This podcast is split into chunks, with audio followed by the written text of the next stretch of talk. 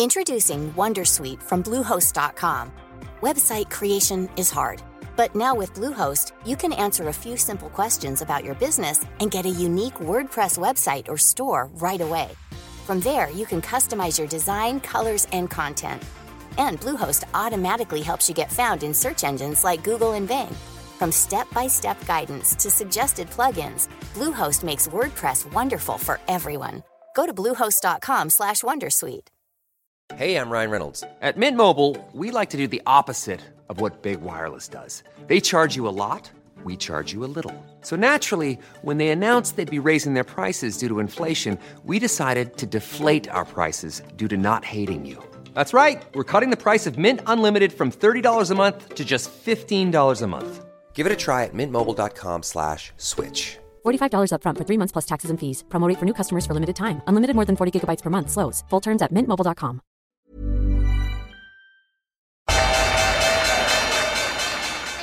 They mistook leverage for genius. Leverage for genius.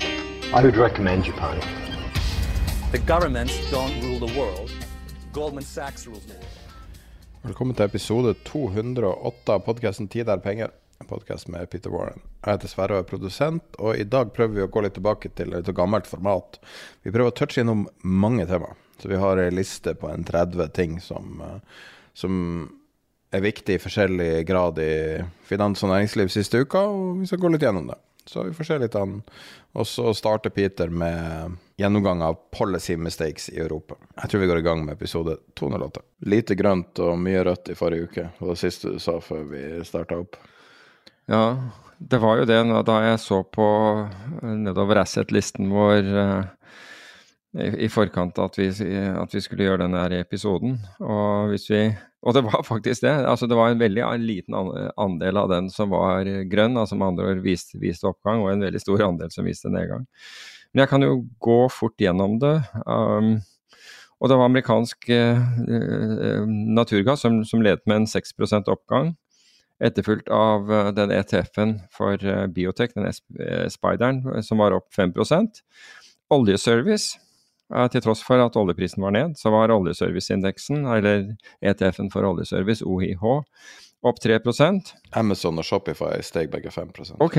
MSCI var opp 1 SMP-en var, var, var, samtidig ned 0,14. Men hvis vi, hvis vi Jeg skal ta minuslisten etterpå, men det fikk meg til å gå bort og se på, uh, på, på, year to date. Og rett før vi startet, så sa du et eller annet med Argentina. Jeg husker ikke hva det var. Var det, var det 81 uh, Sentralbankene steg Det er to ting som har skjedd med Argentina. Sentralbankene heva renta med 3 prosentpoeng til 81. Og uh, de stengte på fredag, og holder vel stengt i dag også, for de er tom for dollar. Ja. Men vet du hva det har gjort med aksjemarkedet der i år? Uten at du sjekker? Helt riktig. 44% opp på Argentina, 41% på Venezuela. Russland eh, 23% Irland nå begynner vi å snakke litt mer normale land. Er, er opp 20% Hellas er opp 20 ja. Inflasjonen hever aksjeverdier, i hvert fall på papiret. Ja, og det, det, må jo policy mistakes gjøre også, for det er det jeg føler at liksom Macron driver og gjør, gjør, for tiden. for der er det, altså Til tross for streiker og, og vold i, i gatene, holdt jeg på å si, uh, så er CAC 40 er opp 17% i år. Italia opp 16 Danmark, altså nå snakker jeg om børsene, og altså hovedindeksen er opp 15% Sverige opp 10% Bloombergs europaindeks er opp 10% Oslo Børs er opp 1,7 Um, så her, her, sliter vi litt, men uh, vi er bedre enn Thailand, som er ned 7 uh, hittil i år. Men det var en interessant Kak liste. 40 var interessant. Er det, ja, det tror du det er total energi? Jeg bare tenker på hvem, Airbus total energi. Hvem er det som andre som er stor der? Jeg vet ikke. Jeg, jeg har tradet kakken veldig, veldig lite. Så jeg er faktisk ikke sikker. Og, og siden jeg tradet den, så har sikkert mye, mye endret seg der. For det var ikke en av de som var på på listen over de tingene vi, vi handlet uh, kortsiktig. Daxen og Eurostox var på, var på den listen, men uh, Så year to date så er det faktisk Hermes, altså. Det er luksusmerket. Den sterkeste aksjen. Og så LVMH, som også er luksus. Og Loreal. Ja. Så det er bare luksus som stiger. Wow. så langt i år. Det Eh, men så har du da de store Det høres nesten også. ut som en mental utfordring. Det er jo veldig mye store, sånn som Thales er jo et stort selskap, og, Mm. og Airbus er opp eh, 15% for eksempel. Så det er ikke noe rart at den indeksen er mye opp. Nei? Men det tror jeg er første gangen vi har snakka om Paris-børsen.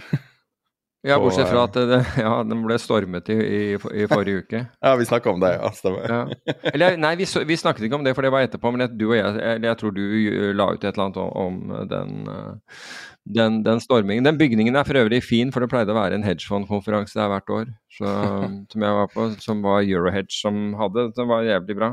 Men de videoene fra Paris, når du ser dem storme Euronex-bygninga Mm.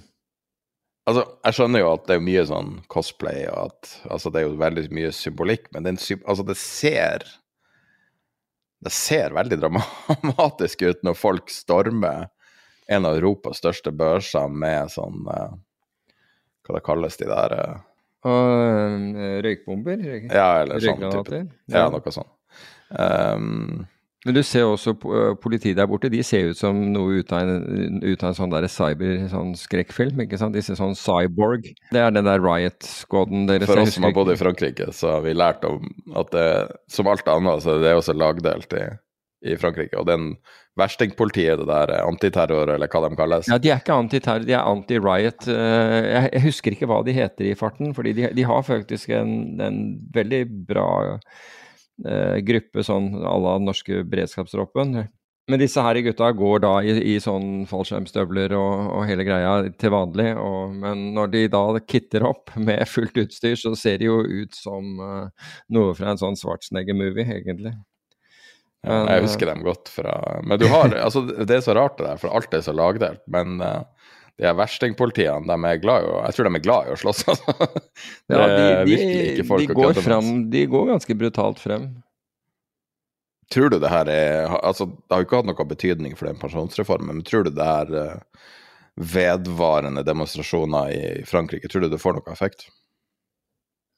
Det virker altså, Det har jo vært borgerkrig siden 94 Ja, ja, i Frankrike, men, eh, bare i det men stille. altså- så Men Frankrike er også et av de landene som, som jeg mener hvor, hvor det er sånn pågående policy mistake. Så Macron ser ut til å, til å ace det for tiden da med å både både altså Da han dro til Kina og gikk da ut mot USA og Europa, som da ikke må, måtte følge USA mer og osv. Altså, jeg vet ikke hva han tenker. Altså. Altså, en dagen er han hos Putin, dagen etter hos uh, Xi Jinping. Altså, jeg, det er noen dager mellom de to møtene. Det ja, det er noen dager, dager imellom, men det er tydelig at han har, at han har en eller annen sånn uh, veldig sånn grandios um, visjon da, om, om sin egen rolle i, i dette her. Men altså inntil Altså når han blir sittende på, på, eh, på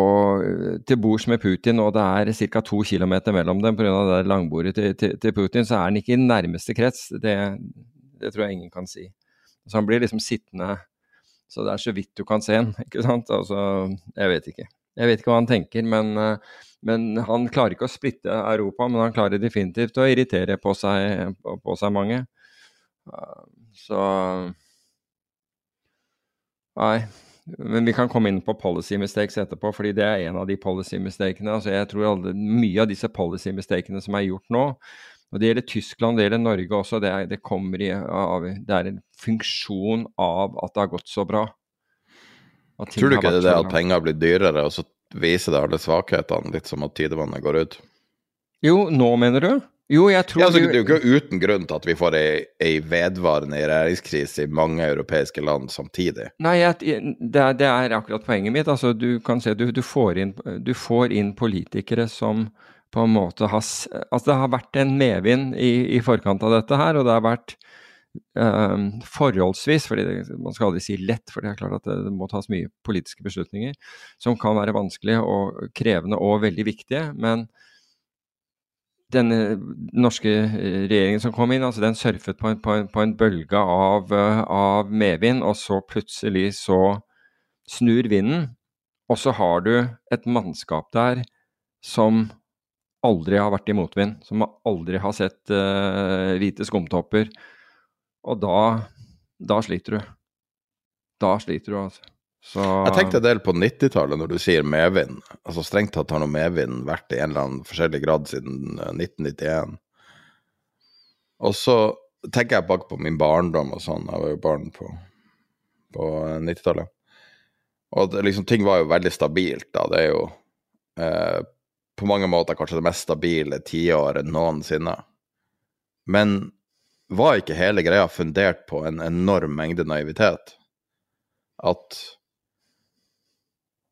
det at f.eks. at Russland skulle ordne, og det var jo utrolig mye turbulens med, med Boris Jeltsin, og, og, hele den overgangen og alt som skjedde der, og eh, frislippet av markedet av Bill Clinton, alt sammen, men det var bare så mye naivitet da som la til rette for volatiliteten vi har nå. Jeg vet ikke om det går an å dra de koblingene engang, men, men jeg føler at uh, når jeg ser tilbake nå så føles det som alle var så utrolig, utrolig naive. Ja, altså Ref kan, Russland i dag, da. Det er det jeg mener. Jo, men du kan si at, at uh, verden Altså, man åpnet seg internasjonalt. Det ble, det ble, friere handel. Det var mange ting som skjedde som på en måte ga en uh, utrolig medvind. Og, og, og, først og fremst så så var det det var i hvert fall fred i Europa, for å si det på den måten. Um, selv om fra 80-tallet så hadde du, det, hadde du konflikt, altså russerne inn i Afghanistan osv. Som, uh, som, som påvirket. Og så, så, gikk det jo veldig lenge uten at, at det var noe major. Men så begynte Altså 9-11 var jo en av de tingene som, som slo ting om. Fordi da ble jo um, artikkel 5 benyttet, og Ble det det? Det visste jeg ikke. Ja, det var jo egentlig det. Er det, det eneste fordi, gangen?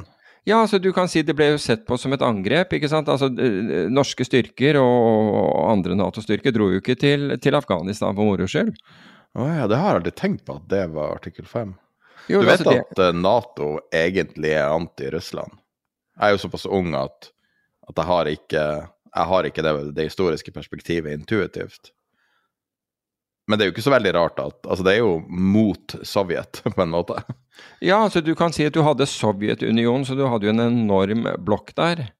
Um, som uh, Som man oppfattet som, som truende. Og, og, derved, og, og derved Nato. Men, men vi hadde jo altså Poenget mitt er at det, at vi, vi, Det lengre Og det, det, gjelder jo akkurat Det er jo akkurat det samme som det som skjer i finansmarkedene, for den saks skyld. Altså det lengre du har en oppgang, det mer overbevist blir investorene at dette her er lett, og at den skal fortsette. Og det flere og flere kommer med. Og Det samme blir det politiske, og det lenger du har en, på en måte en oppgang i, i, i det generelle politiske klimaet, verdenshandel osv. Og, så og, og velstanden, det lettere synes jobben. Og, og, og, du kan si at det er, jo, det er jo liksom veldig stigmatisk å si at det er mindre dyktige politikere, fordi hva er en dyktig politiker? Er det en forhandler, eller, eller hva det er? Men, men, det er i hvert fall Du får mindre av, av de som har, har, har, stått der når, når det virkelig når, når det virkelig har brent på dass, da. Og måtte ta de avgjørelsene som er her. Altså du, igjen, dette med ledere i krig, krig og i fred, er gjerne veldig, veldig forskjellige uh, typer ledere. Ja, men bare se til, til, eh, til, til, Tyskland, og som er en del av the Norwegian, altså norske eh, policy mistakes også. Altså det er at man gjør seg totalt avhengig av russisk gass for sitt energibehov. De gjør seg da, altså Du har Nato, og bare tilbake til det du sa, at man så liksom trusselen fra Sovjetunionen, nå Russ, altså den ble jo, eh, ble oppløst, og så sitter du igjen med, med, med, Russland, som det er vanskelig å, å, å kalle liksom eh, eh, en nær venn. Så gjør man to, seg totalt avhengig av da en potensiell fiende for sitt energibehov. Til tross for advarsler, så gjorde man det. Det er jo helt fantastisk. Det er jo rett og slett helt fantastisk at, at, at man gjorde det. Og så i tillegg så skal man stenge alle kjernekraftverkene. Men det er det jeg mener, naivitet. Og den er 90-tallets naivitet. blir, må vi betale så utrolig dyrt for Ja, men Poenget mitt er det samme. Og, og hva gjør man i Norge? Og dette gjelder ikke denne regjeringen, men, den var, men de politiske partiene var med på det. De, ga, de gir bort retten til å fastsette norske strømpriser til Tyskland ved å øke kablene. Og jeg forstår godt alle som er nord for Sognefjorden, som er livredde for at det skal komme kabler som kan, kan frakte strømmen fra, fra, nord og ned til, uh, til Østlandet og, og, og, deler av, uh, av, Vestlandet. Fordi de vet jo hvor det går. Det går jo rett ut. Da, da blir plutselig deres pris på strøm bestemt av en eller annen i Tyskland. Som, som kun skal dekke 5 av sitt energibehov, det skal da, det skal da bestemme strømprisen i Fauske. Det er jo klart at jeg forstår det, og så, og så sier man at nei, det, er, det, vil, det, vil, ikke bli det hvis vi, hvis vi, hvis vi åpner uh, Hvis man får, får, i stand større, altså tykke, mer kabler, kabler eller større mulighet til å, å, å flytte strømmen fra, fra, nord til syd. Nei, og bare se hva det gjorde, hva det har gjort med, med, med Østlandet. Og, og, for så vidt deler av Vestlandet også. Bare se på, se på prisene der. Så vi har Det var, det var en venn av meg som tidligere venn av meg som heter Ole Kristian, som han er tidligere også finansjournalist, han sa at de, de har Prisbildet er forever flyttet til Tyskland. Forever er det blitt flyttet prisbildet på, på, norsk kraft. Og Det hjelper ikke om vi har børsen i, i, i Oslo, altså Nordpol. Eller den er vel strengt tatt er den i Bærum? Jeg er ikke sikker på om den er over på den andre siden av Lysakerelven. Nei, kanskje den er på riktig, på, på riktig side, holdt jeg på å si, på Oslo-siden. Men, men, poenget er at det hjelper ikke å ha børsen her. Det blir allikevel bestemt av Tyskland. Vi har gitt bort den. Permanent gitt bort muligheten til å fastsette egne strømpriser. Og det forsto Det tror jeg ikke engang politikerne forsto. Og ingen ønsker å se på det grunnlaget som, som ble lagt frem for politikerne, som få av dem eh, leste. Ingen ønsker å få, få det revidert og se om fattet vi beslutninger på riktig grunnlag. Det var ikke én eneste person som jeg kjenner i kraftbransjen som ikke forsto at dette ville bety vesentlig høyere strømpriser. Alle andre politikere sa at dette var én og to øre, og nå kommer de til å komme trekkende med Ukraina, men det er ikke Altså, det har selvfølgelig påvirket, men vesentlig høyere strømpriser, for da, da visste man ikke engang om Ukraina. De advarte dette her, vi garantert gjør det. Så bransjen var 100% klar over hva dette ville bety, og politikerne lukket øynene og sa at nei, det her kommer ikke til å bety noe som helst. Det er jo helt fantastisk. Og det er jo antageligvis den største uh, policy mistaken som, som, som, er gjort. Og som sagt, dette gjelder ikke, uh, dette gjelder ikke regjeringspartiene. Her var, her var, det et bredt Ikke alle, bare så det er sagt. Det var ikke alle som var, var, med på det, men det var et ganske bredt storting som var, var e, enig i det. Og så, Hvem var det som eide Nordpol før det ble solgt til Euronext? Jeg, faktisk, jeg, jeg, jeg, jeg ville nesten tro banker og Det var vel bank, det var i hvert fall bankene var de, de store eierne, var det ikke der? Og, og sikkert eh, stik, sikkert Statkraft og osv. som var, var, eiere i Nordpol, for det var de som måtte stille opp med penger da Einar Aas gikk over ende. Så, så mye har skjedd der. For, for Men det er jo som du sier, det at alt er satt i utlandet. Ja. Eh, selv børsen er jo ikke norsk lenger. Nei, altså selv om den er her. Men, men, du kan si at selv om den hadde vært norsk, selv om det hadde vært norsk eie, så hadde ikke, det er ikke der problemet ligger. Pro, problemet ligger nettopp ligger i kablene. Det, det, er det som gjør at vi har permanent gitt fra oss muligheten til prissetting i, i, i, i Norge den bestemmes nå av, uh, av noen, hva var det du sa, i Slesvig-Holstein eller et eller annet sånt.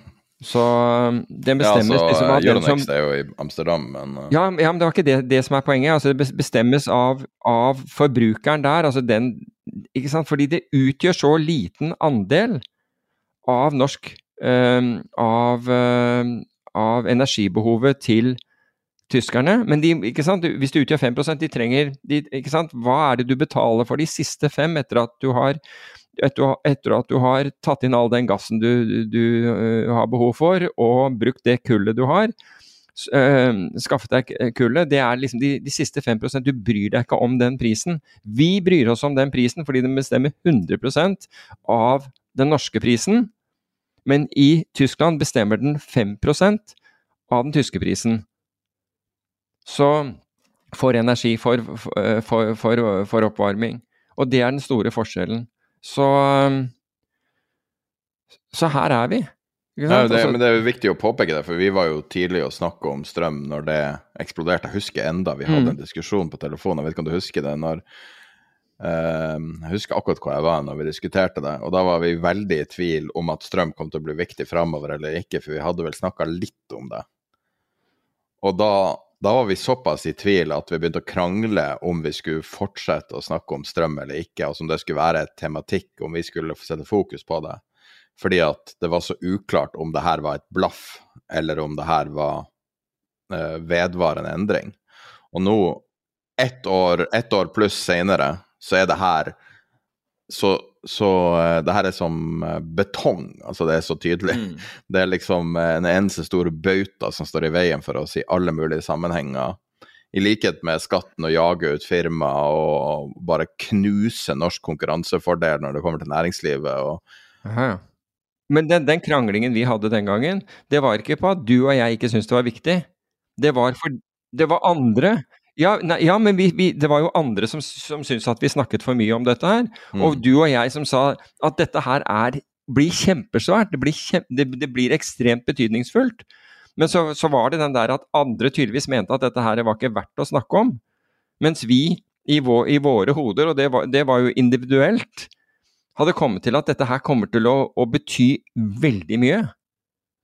Og så, og så, la vi oss på den listen, eh, eh, eh, eller på, på den kursen, at dette, er, dette, kommer til å være så betydningsfullt at før eller siden kommer andre til, til, til, å innse det. Tenk deg norske bedrifter. Det er jo noe som, et element her som ikke blir snakka om i det hele tatt. Det er at grunnlaget for å drive, altså den norske økonomien, grunnlaget for å drive f.eks. Hydro eller, eller ja, lakseoppdrett eller et eller annet så har liksom løftet i Norge vært Det, det kjerneløftet har vært billig energi. Mm. Og energi og økonomi henger jo veldig tett sammen. Land med energitilgang blir sterke økonomiske krefter, fordi at du trenger energi til alt som genererer økonomisk aktivitet. Og i Norge vi, er vi født med utrolig mye flaks. Norge som nasjon har generert egentlig relativt lite, mens uh, på, I kraft av der man har grensen og litt flaks med noen forhandlinger, så har vi både olje og vann og vi har masse ting. Eh, og, og nå er det her fordelen borte, kanskje permanent. Ja. I've seen the enemy, and the enemy, enemy are us. Uh, som uh, admiralen sa, den britiske admiralen, mener jeg sa. Um, Edmi, eller Isas eller Aras, jeg husker ikke om han brukte flertall eller Men i hvert fall um, Hvis det er The Enemy, så er det Is. Men um, Men uh, Oliver Perry? Ja, helt riktig. Det var det. Perry var det som sa det. I've met the enemy and the enemy and they are ours. Ours, det er det han bruker. Our, ours, ja. Altså, det er det samme som de er oss. Er, altså, vi er vår verste Vi er rett og slett vår verste, vår verste fiende. Jo, men det er jo mennesker generelt. Ja, men, men jeg tror jo at dette, dette, kommer av Det er akkurat som i, i, i lange oppgangsmarked, eller for så vidt lange nedgangsmarked. Da blir folk så, så, negative at de kan ikke se lys i enden av tunnelen. Og, og når det går oppover, så, så, stirrer man rett og slett bare inn. Da tror man aldri det kommer til å være regnvær. Um, og, og, som resulterer i at man er helt uforberedt på det, på det som skjer. Og så er det liksom policy mistake etter policy mistake. ikke sant? Du lager gründere som da risikerer både sin jobb og sine penger for å skape noe for, eh, for, eh, for, for fremtiden, bl.a. å skape arbeidsplasser i håp om at det skal bli lønnsomt, de er, de omdanner Altså, de er blitt et fiende... Du har laget et fiendebilde av dem. de skal tas. Hvordan, hvordan er det mulig? Du startet med å love reallønnsvekst, til tross for at det viser seg at du visste at, du, at det ikke ville bli oppnådd. Og til tross for at du visste at, du, at, at uh, inflasjonen da ville overgå, altså prisstigningen ville overgå uh, lønnsveksten, så kjørte man i gang med nye, nye avgifter og øke skatter. Ja, Men hva de skal gjøre, altså det hele greia er jo at det går feil vei med hele verden. Og øh, er Stoltenberg en flinkere politiker enn Støre, eller hadde Stoltenberg bare flaks med når han var statsminister? Det, det, det vet jeg ikke. At det går, at det går øh, Jeg vil håpe at han, han, er, at han er, flinkere. Jeg vil Jeg, jeg har ikke, jeg ikke mista trua, for å si det på den måten. Jo, men altså, hva er egentlig forskjellen som en statsleder kan gjøre i realiteten? For det er jo stort sett markedet som dikterer. Jo, jo, men du kan jo ikke bare Jo, men der går det på det. Du kan jo ikke bare si det er markedet, jeg, jeg, jeg kan ikke gjøre noe. Jeg, prøver, er, markedet er så fælt at jeg prøver å gjøre ting verre.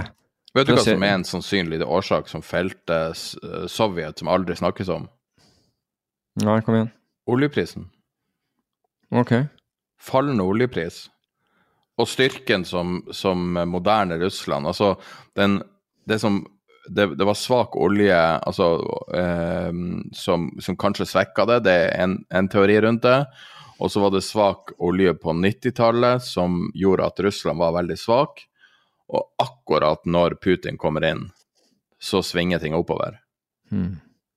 Og hvis det er en nasjon som er en oljenasjon eller en energinasjon, så er det jo Russland. Sånn at jeg lurer på, fins det talent i politikk, eller fins det flaks? Jeg tror det fins talent i Altså, det jeg har troa. Jeg tror det fins flinke politikere. Men jeg, jeg, tror at da er, det er ikke først og fremst at du setter deg på, liksom på bølgene og, og, finner den, den regjeringen som, altså, som takler medvind altså Da velger du ikke folk ut ifra medvind da må du liksom, da, da må du sette sammen altså da, da bør du heller organisere deg litt, litt som det som man organiserer et forsvar. Og ikke, ikke, sant, ikke bare gi, gi, gi, poster til venner og bekjente og liksom Ja, det blir jo aldri noe problem likevel. Hvor, hvor gærent kan det gå? Så det viser seg at det kan gå ganske gærent. I hvert fall i et land Bare se på, på Norge, sant, hvor du har offentlig sektor. Hva, hva utgjør det? Nesten en tredjedel av arbeidsstyrken. Mens, mens snittet for OECD-landet er 18 ja, det var jo det jeg fikk, jeg fikk et spørsmål om en uttalelse, kan jeg bare korrigere det? Ja, um, så jeg sa tidligere at um, uh, Norge i realiteten har ei dramatisk høyere arbeidsledighet enn enn man har i dag. Og det er bare basert enkelt og greit på hvis vi hadde hatt offentlig sektor som matcher OECD-snittet, eller mm. amerikansk offentlig sektor, eller whatever, mm. så ville eh, altså så ville arbeidsledigheten i Norge vært en 15-18 eller noe sånt. Uh, nå tar jo det masse forbehold, og du kan jo kritisere det, den antagelsen der. Min antakelse er jo at en rekke av de stillingene er helt overflødige og blir ikke erstatta med privat sektor. Uh, nå er jo det et definisjonsspørsmål om hvordan du ser verden, da. men det var det jeg mente med den uttalelsen. Og, og, Norge har jo Men Sverige har jo også veldig stor, og Danmark har jo også veldig stor offentlig sektor. Mm. Så det er jo et skandinavisk problem. Men syk, ja. Syk, ja. Vi har det, og så har vi, har vi, den høyeste momsen i Europa. Det har jo også Sverige, Danmark og, og, og Norge. Um, sykefraværet i Norge er jo to til tre ganger så høyt som OECD-snittet. Ja, hvor bra har vi det da? Er, hva var det vi var? Nummer syv på, på, på, på lykkeindeksen. Vi hadde falt nedover det. Der lykkeindeksen tror jeg ja, kjøper ikke det hele men, tatt. Men den altså. som er på plassen foran oss, det er, det er et land som har, som, som har, har fri dop. really? Jeg mener Ja, kanskje. ja. Jeg vet ikke, det er så usannsynlig. Det Er ikke det derfor folk doper seg? Ikke sant? Der går, rundt, der går de rundt i en sånn derre sånn der, Rusrøyk hele tida? Nei. Jo, men det er sånn som Bhutan, ikke sant. Det er jo et land som er kjent for å fokusere på lykke. Det blir ja. jo helt idiotisk. Men ja. det slår meg ikke sånn at nordmenn er utprega lykkelig og, og, happy. Jeg syns folk virker ekstremt det, slår, det, det, slår meg, det, slår meg ikke som Finland som ligger på førsteplass her heller. Har du Nei. vært i Helsinki på en mandag? Nei. ikke gjør det. Ikke gjør det. I swear to God. Ikke gjør det. Kollega og jeg vi reiste over på, på, på, en mandag, for vi skulle ha møter på, eh, på tirsdag og onsdag. Kom, kom, til Helsinki og flytta inn på hotellet, og så tenkte vi skulle gå og, og, få tak i noe mat. og Det var ikke så lett å få, få tak, så vi endte opp Jeg tror det er Kepinski, er det ikke det hotellet heter i Helsinki? Ganske, hva? Kempinski, ja. ja riktig. Det er en kjede. Ja, nettopp. Og så og så, og, så, og så, sitter vi der. Der var det ikke mange som var edru, for, for, å si det forsiktig. Dette er mandag. Det er liksom og, og det husker jeg. Det var, det var to, to, jenter som satt sammen, og det så, så ut for, for, oss å spise, men de må ha bare drukket antakeligvis. Men i hvert fall den ene kommer da i retning oss. altså Det viser at vi hadde toalettet bak oss på, på, på venstre side. Og så ser vi hun, hun kommer gående, og hun kommer, den er på høyde med oss, og kaster hun opp på gulvet og går videre. Som om ingenting har skjedd. Jeg, jeg tror det samme skjer på Frogner også. har, har, de, har, de, har, de, har de Kempinski på Frogner òg, så er det mulig at det også skjer der. Det vet jeg ikke. Men liksom, vi bare Ja, ja sånn, er, så, så, sånn er mandag, mandag, kveld i Helsinki. Det var, det var Her må vi her, her må vi her vil du ikke være på, her vil du ikke være på fredag kveld, i hvert fall helt sikkert. Vi var der allerede, så ordentlig bra. Men stemmer det at det var stille? For jeg har hørt historier fra Jeg har aldri Nei, vært i Finland. Det var veldig stille der. På, på ja, for at folk ikke snakker? Ja, jeg, jeg vet ikke, jeg. Altså, når, du kan si at når, når høres den, eh, den, mest amorøse kjærlighetserklæring på finsk Det høres ut som en dødstrussel i mine ører, men det, det har noe med språket å gjøre, tror jeg. det gjør virkelig det. Så så, så, det gjør ikke noe om du ikke gjør det, for å si det på den måten. Men uh, annet enn det, de var, de var, greie å gjøre business med. Da. De var veldig streit ordentlige å gjøre business med, det skal de ha, finner. Så Mina Rakstan Sinva. Say what?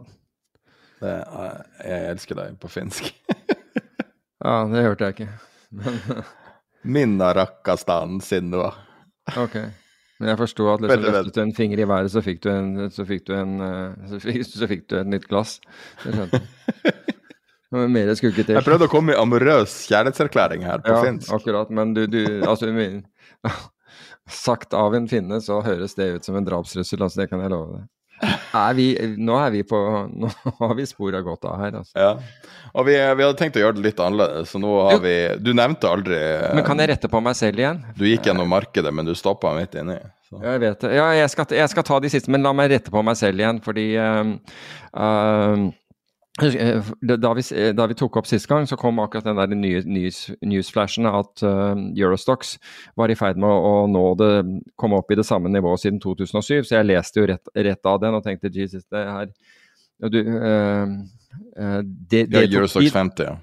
Ja, Eurostox 50. Men hvis du tar med utbytter da, altså En tidligere kollega av meg, Øyvind Tvilde, som ble ble sterkt kvantitativt bestrålt som, eh, som, barn, og aldri kommet seg over det etterpå. Han tok da kontakt og sa der tar du grundig feil, hvilket jeg gjorde, fordi det tok ikke med utbytter, som, ville, som, ville, som gjorde egentlig at Eurostox er 50% høyere enn det. Ja, jeg skal si utbytter på de 50 største. Men ja, bare så det er sagt. Eurostox 50 er nå over toppen fra 2007. Ja. Steg ganske mye de siste par dagene. Ja, ja. Og hvis du, hvis du, da legger til, så er den, så er den way, egentlig way over på total return-basis. Tar du de negative tingene i, for, i, forrige uke, altså de tingene som falt mest, så var det jo vår grayscale uh, bitcoin trust da, med ned 13% Der var vel bare, så vidt jeg vet, så falt vel bitcoin med rundt 9, gjorde ikke det? Men ok. Tesla falt 11. Bitcoin uh, future var ned 10 forrige uke. Var det ok? Det er sikkert det. Men i hvert fall eh, Grayscale var ned mer, Tesla var ned 11, Block, som er denne ETF-en for blokkjedeselskaper, blockchain-selskaper, ned 8, Sølvprisen korrigerte ned 7 og Brent uh, korrigerte, altså Brent-olje korrigerte ned 6% Jeg har noen sølvopsjoner som forfaller i morgen. Foreløpig er de, er fortsatt in the money, men vi holder pusten.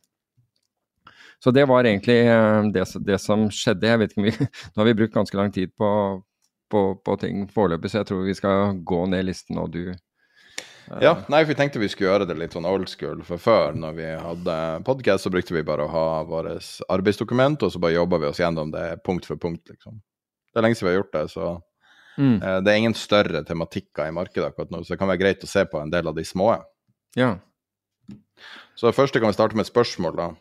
Nå vet jeg ikke om du har sagt det her i podkasten, jeg mener at du har sagt det, men uh, Nei, jeg har ikke det. det var et spørsmål du fikk. Det var egentlig en påstand ja, fra vedkommende. Så var Nasdaq har steget 20% hvordan kan dette være et bear market? Ja, og det var jo egentlig på basis av at du eh, put me on the spot forrige, eh, i forrige episode, og, og, 'gun to my head' tror jeg du brukte, eh, om jeg trodde markedet ville være høyere eller lavere eh, ved utgangen av året. Og jeg hadde ikke tenkt igjennom det, bare så det er sagt. Og jeg har heller ingen strong conviction. Men skal man shortere, så burde man iallfall shortere i en oppgang, ikke en nedgang. Men i hvert fall. Vedkommende mente at liksom, hvordan kunne det henge sammen når det var når Nasdaq har steget 20% Så da Uh, har jeg nå sett over f.eks. altså dotcom. Altså i, i dotcom-krisen så falt jo eh, Nasdaq over 80% Og i løpet av den tiden så har den da følgende fem korreksjoner som er mer enn 20% Første var på 35% neste var på 28% oppover.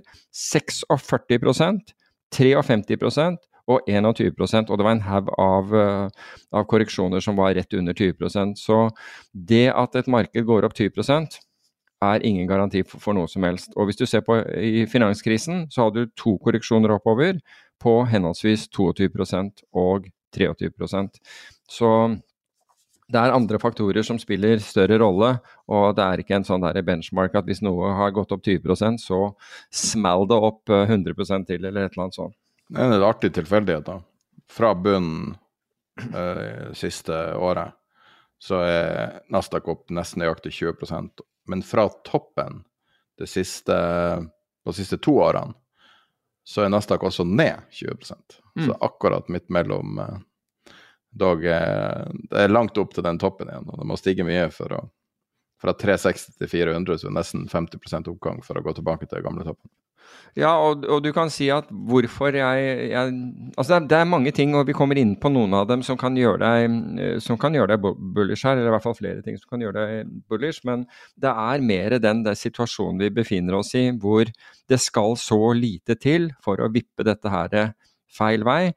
Og da er det delvis geopolitikk, f.eks. det som skjer i, i, Russland, men Kina kan også endre på, på dette bildet brått. Og så er det de tingene vi ikke har tenkt på, ikke har sett og ikke vet om, um, som kan gjøre det. I tillegg til høy inflasjon, høye renter, fallende verdier av uh, priser, altså verdier på næringseiendom osv., og, og, og for så vidt på boliger i mange, mange, land. Så det er mange ting her som kan, som kan, gå, som kan, gå, ordentlig, uh, som kan gå ordentlig galt.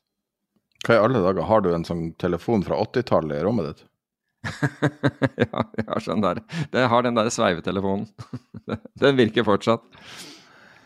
Um, en ting som folk ikke så komme, da begynner jeg å jobbe med oss gjennom lista her, er en elbil til knappe 100 000 kroner ut av det blå.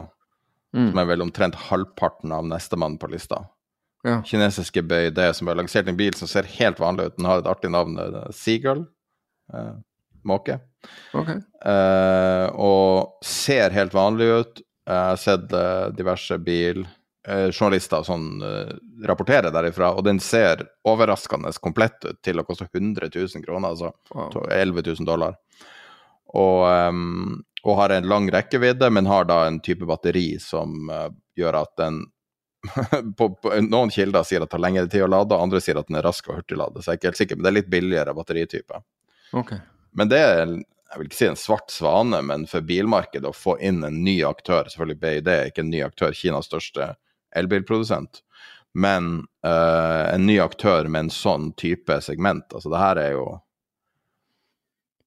er det, er, er det årsaken til at uh, Musk driver og senker uh, prisene på, på, på, Tesla hele tiden? Jeg, vet, jeg har truffet noen Tesla-eiere som, som har kjøpt da i fjor og er ganske forbanna på det der, men sånn er det nå.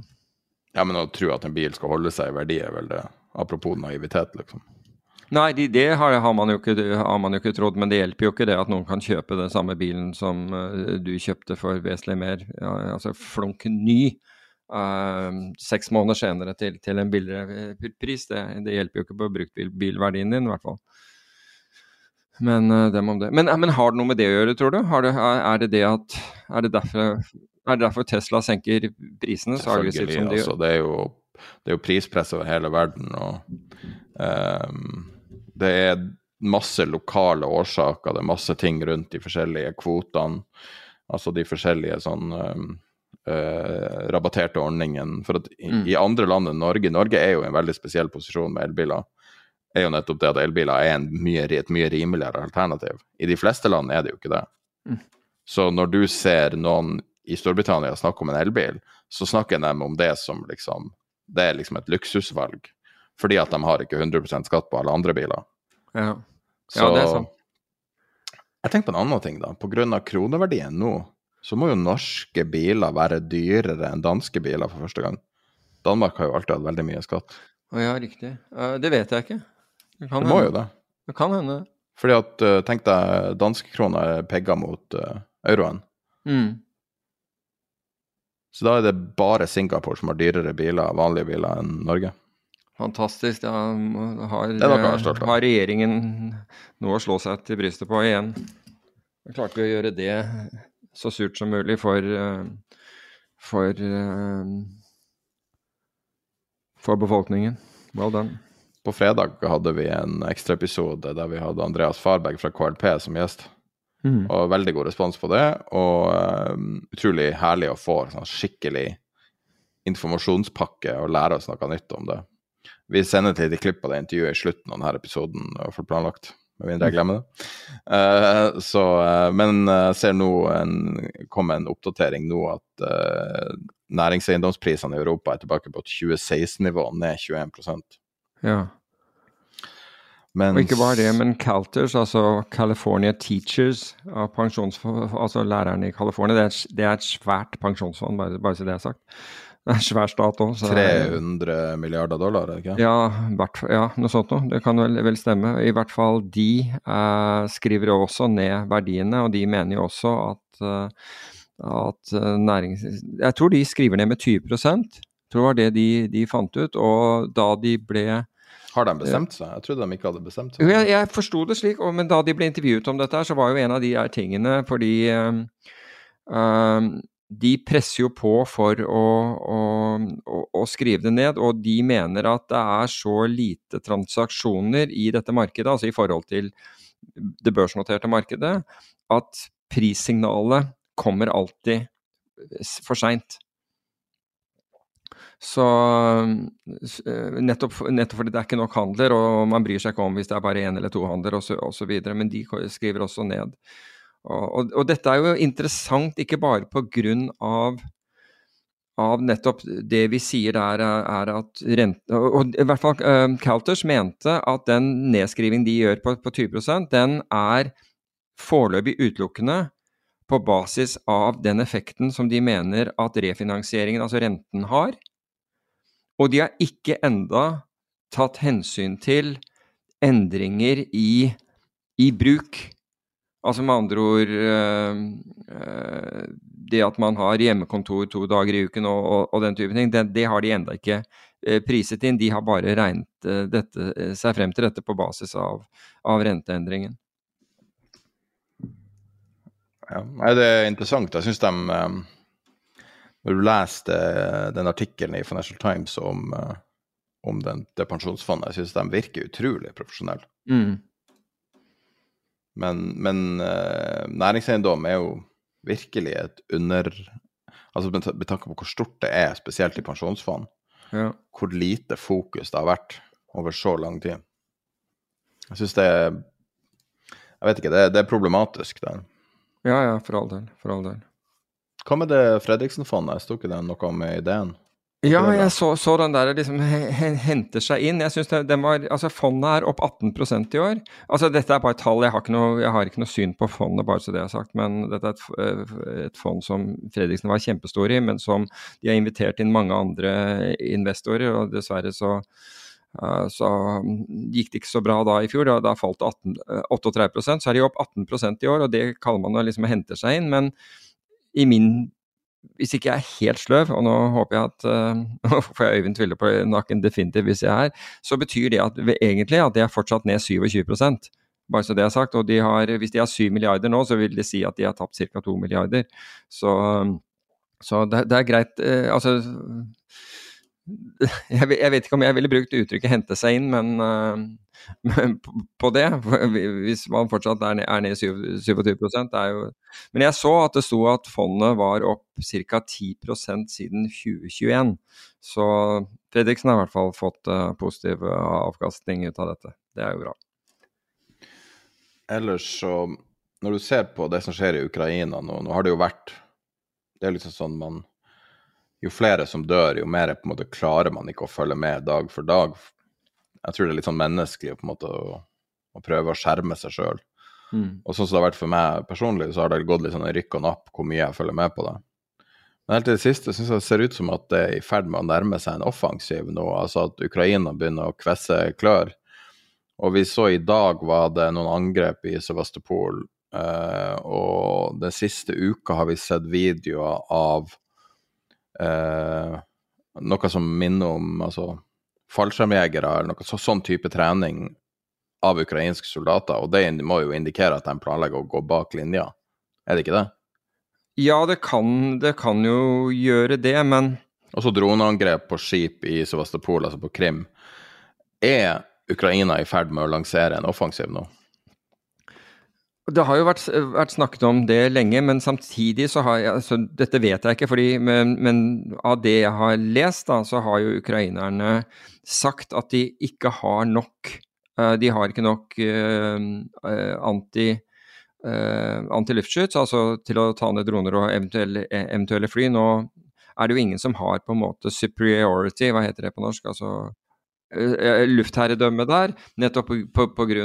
Av faren for å, å, å bli, bli, skutt ned. Men, men, de har brukt mye for å ta ned raketter, missiler eh, og, og, droner. De trenger mer av det, men slik jeg har forstått det, så trenger de veldig mye mer av artillerigranater også, som er av vesensbetydning for dem. Og de har jo heller ikke fått på plass alle de stridsvognene som de, de trenger de begynner å, det begynner å nærme seg, men det er ikke kommet dit enda, så jeg kan vanskelig se at altså, Med mindre dette her er, eh, er eh, rett og slett eh, sånn desinformasjon, at, at man kan kjøre det i gang nå. Og, jeg, og det er vel såpass øh, vått i bakken også at det er ikke sånn ideelt å, å, å dra det i gang eh, enda heller. Så det blir litt interessant å, å følge. Men eh, du, jeg så jo for øvrig fra det, Dette var ti kilometer bak fronten hvor NRK var med en, eh, en ukrainsk tank som, som drev, og, drev og, og øvde.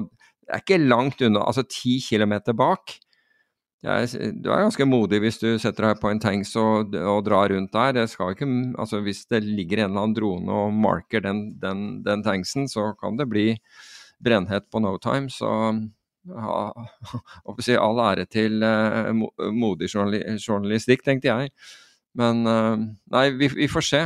Altså, at, at, det vil tilspisse seg utover nå, det, det, tror jeg, det tror jeg nok er ganske riktig. fordi russerne har jo ikke Altså, de har jo gitt fra seg halvparten av er vel omtrent halvparten av det området de initielt tok, og prøver å befeste seg så godt som, som mulig. Så Og dette er jo ikke en det, det, blir jo ikke status quo for noen av dem. Altså, så noe vil Noe må skje her. Det, det er i hvert fall helt sikkert. Vi, Apropos eh, krig og elendighet, du kan jo litt ja. om det her. Ja. Uh, så kan jeg spørre deg om du har vært i Sør-Sudan, men uh, ja, Det som skjer nå, skjer i Sudan og ikke Sør-Sudan. Bare, bare oh, er det i Sudan? Jeg trodde det var Ja, det er i Sudan. ja. Altså Sør-Sudan er, er, mye roligere. Snakk om Området der er jo veldig, veldig dramatisk. Ja, altså Sør-Sudan er, er, vesentlig mindre dra dramatisk enn en Sudan. Sudan, ikke sant, er uh, det, det, ligger der det ikke skal, skal, ligge, og nå har du da fått noe som begynner å ligne en, en borgerkrig der. Og så ser du at dette tilspisser seg. Vi ble, vet jo bl.a. at norske ambassade ble truffet først. så snakket man om en artillerigranat, og senere har man snakket om at det var en missil. Men spiller ingen rolle hva det er. Man er uts, utsatt. Men jeg må jo si at det, dette tester jo også beredskapen til de ulike landene og hvilke kapasiteter de har til, til å sette inn Og det er jo da Altså USA og, og Storbritannia var veldig tidlig på'n uh, med, med, å sende og, og, altså, Land som har, en, har beredskap og kapasiteter, vil ha klare planer for ting à la dette her. Og de planene vil jo da være altså for å evakuere uh, sine folk ut, ut av, av land. Og det er en komplisert prosess som da består sant, av de, deler av selvfølgelig diplomatiet, altså utenriksdepartementene. Det vil også bestå av etterretning, altså at man har grundig etterretning eh, før man gjør noe, og gjerne spesialstyrker som, som, settes inn. Så nå, USA har allerede plukket ut folk, og det har Storbritannia. og Nå mener jeg de, de norske ble også evakuert. og det vil, og pluss at, eh, så vidt jeg vet, så var, var en norsk kontingent kommet til Djibouti. For det fins jo, jo uh, sivile nordmenn her også, altså ikke, ikke UD-ansatte nordmenn. Så det er vel en eller annen contingency for de. Men, uh, men det, dette er jo absolutt en sånn en, en en god test, det høres nesten grotesk ut, for det er ikke noe godt med å havne i en, en, krise- og krigssituasjon som man gjør, for den, den, er jo potensielt farlig. Men du må jo da ha pansrede kjøretøyer, du må ha, uh, du må ha etterretning som forteller Eh, som forteller noe fornuftig om hva, hva, som foregår. fordi den styrken du tar, der, tar, ned dit, som da etter min eh, Mest sannsynlig, i hvert fall for britenes del, amerikanerne, det garantert er spesialstyrker. Franskmennene også, men jeg vil tro at det gjelder også det norske, at de har spesialstyrker. Må, i og med at de er så øh, bemanningsmessig underlegne, så, må, så er de helt avhengig av utrolig god etterretning for det de gjør. De kan ikke, de kan ikke eh, gå inn i en stor uh, konfrontasjon eller, eller, en konflikt. De er nødt til liksom å være en form for spydspiss som går inn, og som da dealer med problemet. Hvorfor, hvorfor, man bruker spesialstyrker og ikke vanlige styrker til, eh, til, denne type oppgaver, er rett og slett fordi uh, hver soldat for eksempel, i, i spesialstyrkene er jo, er jo, spesielt trent. ikke sant? De, de kan de, er, de, de, kan snakke med luftstøtte, de kan, de, kan, eh, kan kommunisere med, med, forskjellige andre ting, inkludert våpensystemer og osv. De har spesialkompetanse på den type aksjoner. Og gjøre aksjoner hvor man ikke er støttet av et stort militært apparat bak. Så de er vant til å operere mer på, på, på egen hånd. Så det, jeg, jeg, vil tro at det kommer noen interessante historier ut av, ut av, det som skjer i Khartoum nå, og det som akkurat har skjedd, og det, det, det som skjer uh, som, som, følge av denne, av, av denne eva evakueringen. Men som sagt, det er Svenskene skulle også sende en bevæpnet styrke, styrke, ned der. Så, så, det forteller veldig mye om et lands beredskap og hvilke kapasiteter man, man, man sitter på. Eh, nå var jo også Sudan en koloni. Britisk koloni. I sin tid, ja. Det er litt tragisk å se at det der henger med fortsatt, siden at Storbritannia er så het på grøten der fortsatt. Så jeg regner med det med masse, masse tilkobling til Sudan fortsatt. Ja, altså nå Du, du kan si at uh, det, dette området er jo, ikke sant Det ligger jo Altså, du har jo Tsjad, ikke sant, i uh, Hva blir det, i vest. Um, du har Libya i nordvest osv. Uh, rett i nord så har du Egypt, og det er jo for så vidt, så vidt greit nok. Men det ligger i, i dette her Sahil-beltet, ikke sant, som altså Sentralafrikanske republikk ligger ja det, så, ja, det ligger lenger syd ned, tenker man om det ligger, det ligger sydvest. Men i hvert fall i et område hvor det mye hvor, hvor, det har foregått mye turbulens, og hvor bl.a. du har Wagner-gruppen opererer sant, i Tsjad. Altså, ikke at jeg tror at den er involvert her, i hvert fall ikke som jeg vet om. Men dette er et ekstremt uh, urolig område. Og ikke, ikke akkurat helse, helse, helsebringende sted å, å, å, befinne seg. Så Sør-Sudan er en helt annen sak. Det er, det er definitivt mye roligere. Så det blir interessant å se hva, hva som skjer ut av dette her. Skal vi ta hoppe litt? Vi kan ta litt til uh, maskinlæring og AI. kjapt. Jeg kan si at Det har vært en omlegging av hva som er viktig uh, den siste uka.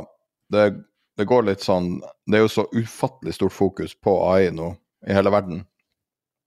Så det virker som det går i litt sånne bølger. Den siste bølgen, hvis jeg skal prøve å pinpointe hva det er, så tror jeg det er at data er viktigere enn uh, f.eks. grafikkort. Liksom. Altså at når man skal stille det opp mot hverandre. Mm. Så det som har skjedd den siste uka, er at dem som eier mye relevant data, f.eks. Stack Overflow, som um, har ekstremt mye programmeringsinformasjon, det er en sånn uh, på en måte samling av, uh, av kode som folk har brukt for å, å, å, løse problemer. Hvis du er programmerer, så går du inn på Stack Overflow, så kopierer du et eller annet derifra. og finner der. Det er liksom som et forum, på en måte. Okay. Eh, de har tatt betalt, og mer eller mindre alle andre som sitter på store datamengder den siste uka, har introdusert en lisens lisensordning for kunstig intelligens. Eller så, sine datasett, eller? Sine datasett, ja. ja nettopp, Fordi at programmeringsdatasett har så ufattelig stor verdi. Nå mm. eier jo Microsoft um, hva det heter, GitHub. Som er et, Jeg vet ikke hvordan, om de kan bruke dataen på GitHub eller ikke, men og, sånne type eierskap har enorm eh, verdi nå, plutselig. Altså fra ei uke til neste. Eh, og det vi også ser, er at f.eks. at eh, OpenAI har sagt de ikke planlegger en ny versjon av ChatGPT, men det er raffinering av det de har. Og mm. veldig mye ser ut som at det handler om data informasjon du kan bruke for å trene opp for å raffinere de her tingene. Mm. Så det er, det er, liksom den store, nye trenden. Um, ellers har vi fått et tall på hva det koster å, å drifte uh, ChatGPT. Syv millioner kroner om dagen koster Å drifte det? Bare for å få det til å funke, liksom. Én request Altså det er datakraft og strøm og alt mulig. Wow. Um, Microsoft har begynt å utvikle sin egen AI-chip. Uh, jeg vet at uh, Ja, altså en rekke ting tidligere uh, som, som, har men, men, det at Nvidia har jo de her uh, på en måte ferdigutvikla økosystemene mm. som får konkurranse fra øst og vest. Så det vil være mye fokus på det her framover. Men det er bare interessant å se de her bølgene det går gjennom. Nå snakka vi jo tidligere om at det var sånne agenter som mm. automatiserer mm. oppgaver. Altså, det her går så fort. Og du kan si altså det er veldig mange som ikke vil høre om ChatGPT, som ikke vil høre om maskinlæring. At ting går fort, og at ting forandrer seg. Men mm. fytti satan, det her går fort, altså. Ja. Det, er sånn, det, er så uoversiktlig å prøve å bare være oppdatert. Én ting er å prøve å forstå det, en helt annen ting er å prøve å starte en business. Hvordan folk, nå når Norge skal starte å arbeide med kunstig intelligens, så klar, jeg klarer ikke helt å skjønne hvor man starter engang. Fordi at det er så stort og det er så mye. Mm. Regjeringen tenker vel først og fremst på hvordan de, de, skal klare å skattlegge dette også. Ja. Tenk hvis OpenAI var en norsk oppfinnelse, hva de hadde betalt i formuesskatt. Oh, ja. Verdsatt til Nå tar du Var, var, var det 300 milliarder kroner? Nei. Jeg husker ikke det tallet, jeg bare leste det i forrige uke.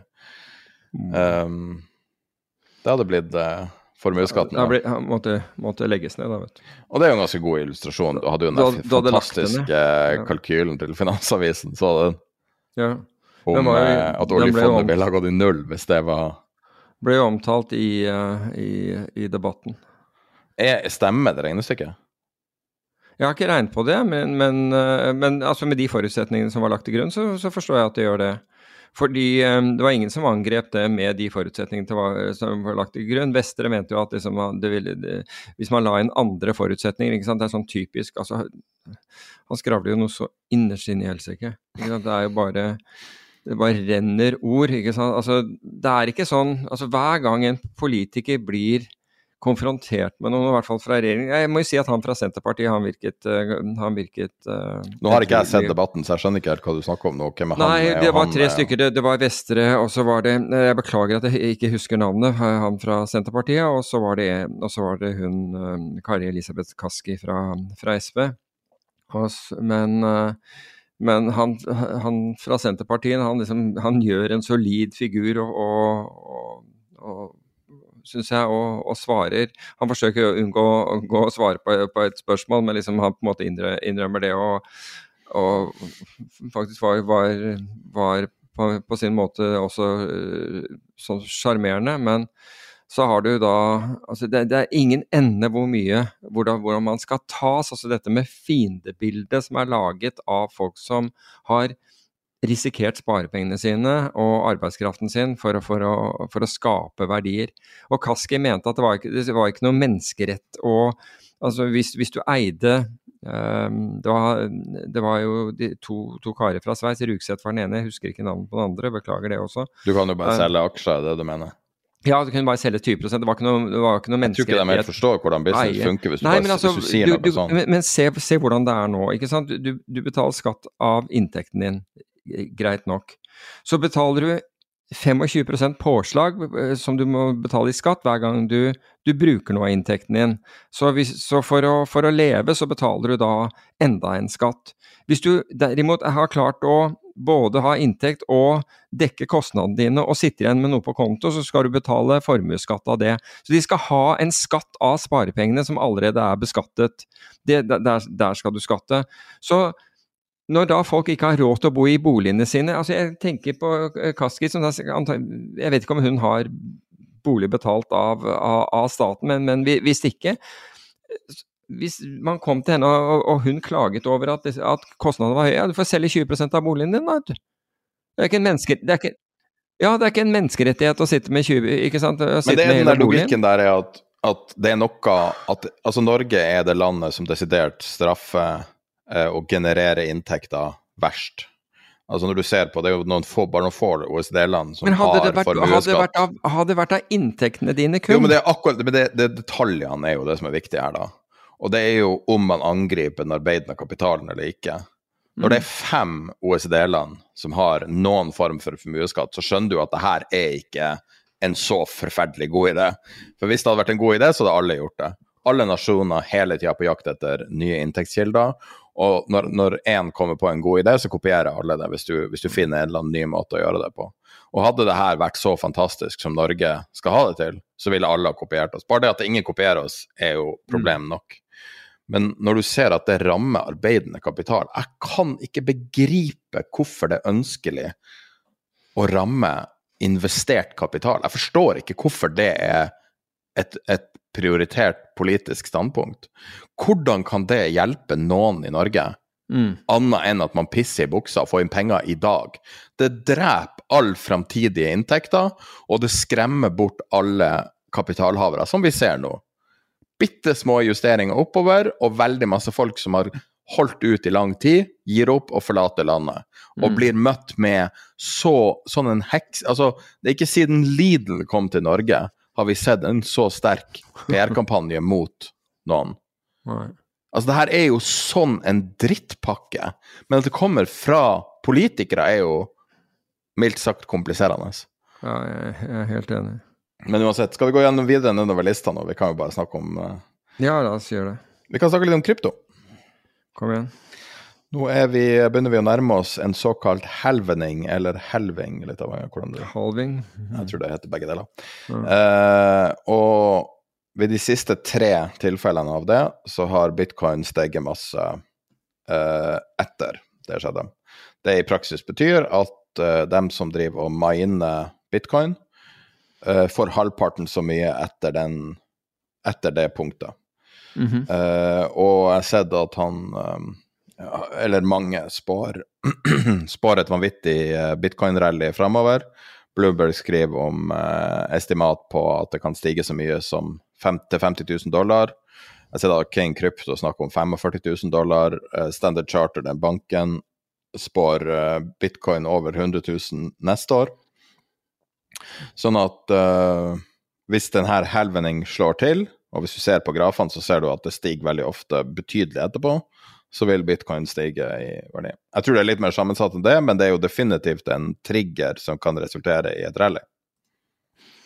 Ja, jeg, jeg har ikke noe mening om det, for jeg, jeg kan ikke no, noe om det. Jeg hører at du liksom refererer til Ja, det blir, altså det, det blir, jo totalt 21 millioner på, på det meste i, i, omløp, så jeg skjønner jeg, Altså, det er, det er, sikkert mekanikker her som, som ikke jeg skjønner, og, og det innrømmer jeg. Men ut ifra de 21 millionene med, med, bitcoin, som vi på en måte alle, i anførselstegn, vet at er, er maks, så ser jeg ikke hvorfor dette her skal Men det er mulig at det kommer mindre i omløp, altså det blir stadig mindre i omløp, og dermed, hvis du har det samme hvis du har det samme eh, kjøpspresset, altså hvis, um, hvis etterspørselssiden er konstant, så forstår jeg at, at dette skaper en, en ubalanse. Men annet enn det, så, så, er, så ser jeg ikke helt hvor, hvor, den ubalansen kommer. Men nå har ikke jeg lett, lest det du, du, snakket om at uh, at uh, Arcane uh, Eller det heter K33, gjør det ikke det? det analyseselskapet nå? Har Arcane skifta navn? Ja. ja så, så, jeg mener at analyseselskapet der hvor han, hvor han Vetle arbeider, er, er, K 33 ja. Uh, jeg har ikke lest den rapporten, men jeg skal ta og gjøre det, så jeg, jeg forstår egentlig hva, hva, det går ut på. Uh, hvis du er interessert for krypto, så vil jeg anbefale å følge han på LinkedIn. Han deler veldig mye. Generelt LinkedIn er en undervurdert sosial medieplattform, altså. For voksne folk. Men er så, er, det er jo ikke sosial plattform, er det det? Er det ikke mer for uh, Jo, det er ganske sosial medier nå, altså. Okay. Okay. Så ekstremt bra for å følge for å følge å si, seriøs tematikk, sånn som finans. Mm. Så okay. jeg bruker det regelmessig for å følge enkelte. Jeg syns det er en mye mer en plattform som føles til å være til å stole på. Liksom. At det, er ikke noe tull der. og blir definitivt ikke pusha, uh, pusha bullshit der, da. Det er veldig mye sånn LinkedIn-stil på ting. Mm. Men uh, i større og større grad er det blitt et sosialt nettverk som blir tatt på alvor har vært en skikkelig vinner som plattform. Ok. Og tenker på hvordan ryktet de hadde for 10-15 år siden, hvor dårlig det var. Var det? Ok. Um, de var altså, kjent jeg... for å spamme folk, det var det de var kjent for. Okay. Jeg har ikke opplevd det, men det er greit.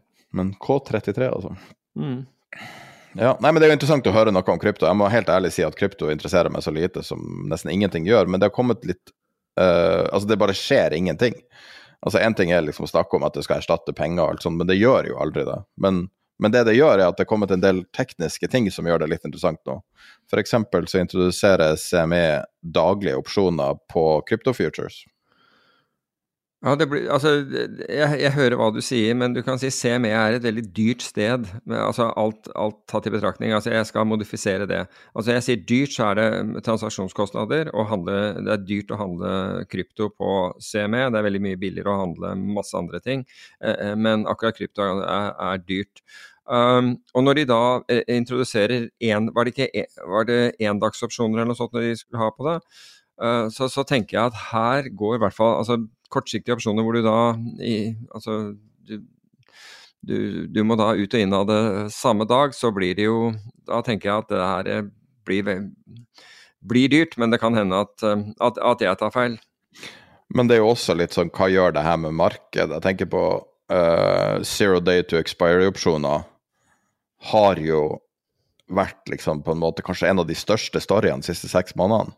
Men de er også billige å handle, ikke sant? Det er billig å handle på CME. ja, men det har påvirka markedet så mye. Ja, det har det. Det skjønner jeg, skjønner prisen. Jeg er helt enig, men du kan jeg tenker si at... på ren markedseffekt. Vil det doble volatiliteten på bitcoin, f.eks.? Det vil jo være signifikant.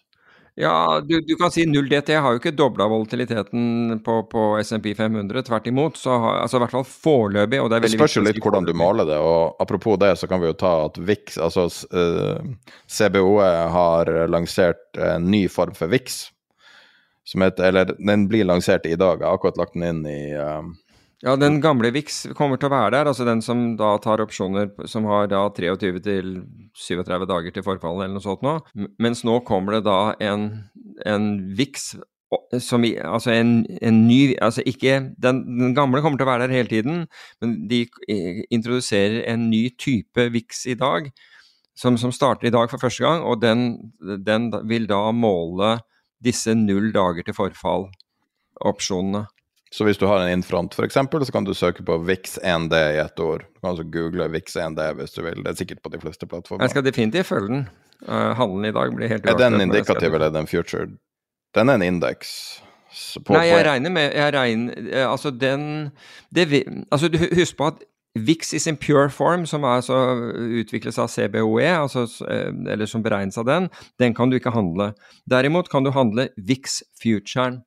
Så hva de gjør med denne endagsviksen, om det er bare en som da skal måle eh, verdien, altså eller volatiliteten, på endagsopsjonene, eller om den skal faktisk bli, bli mulig å handle, det vet jeg ikke.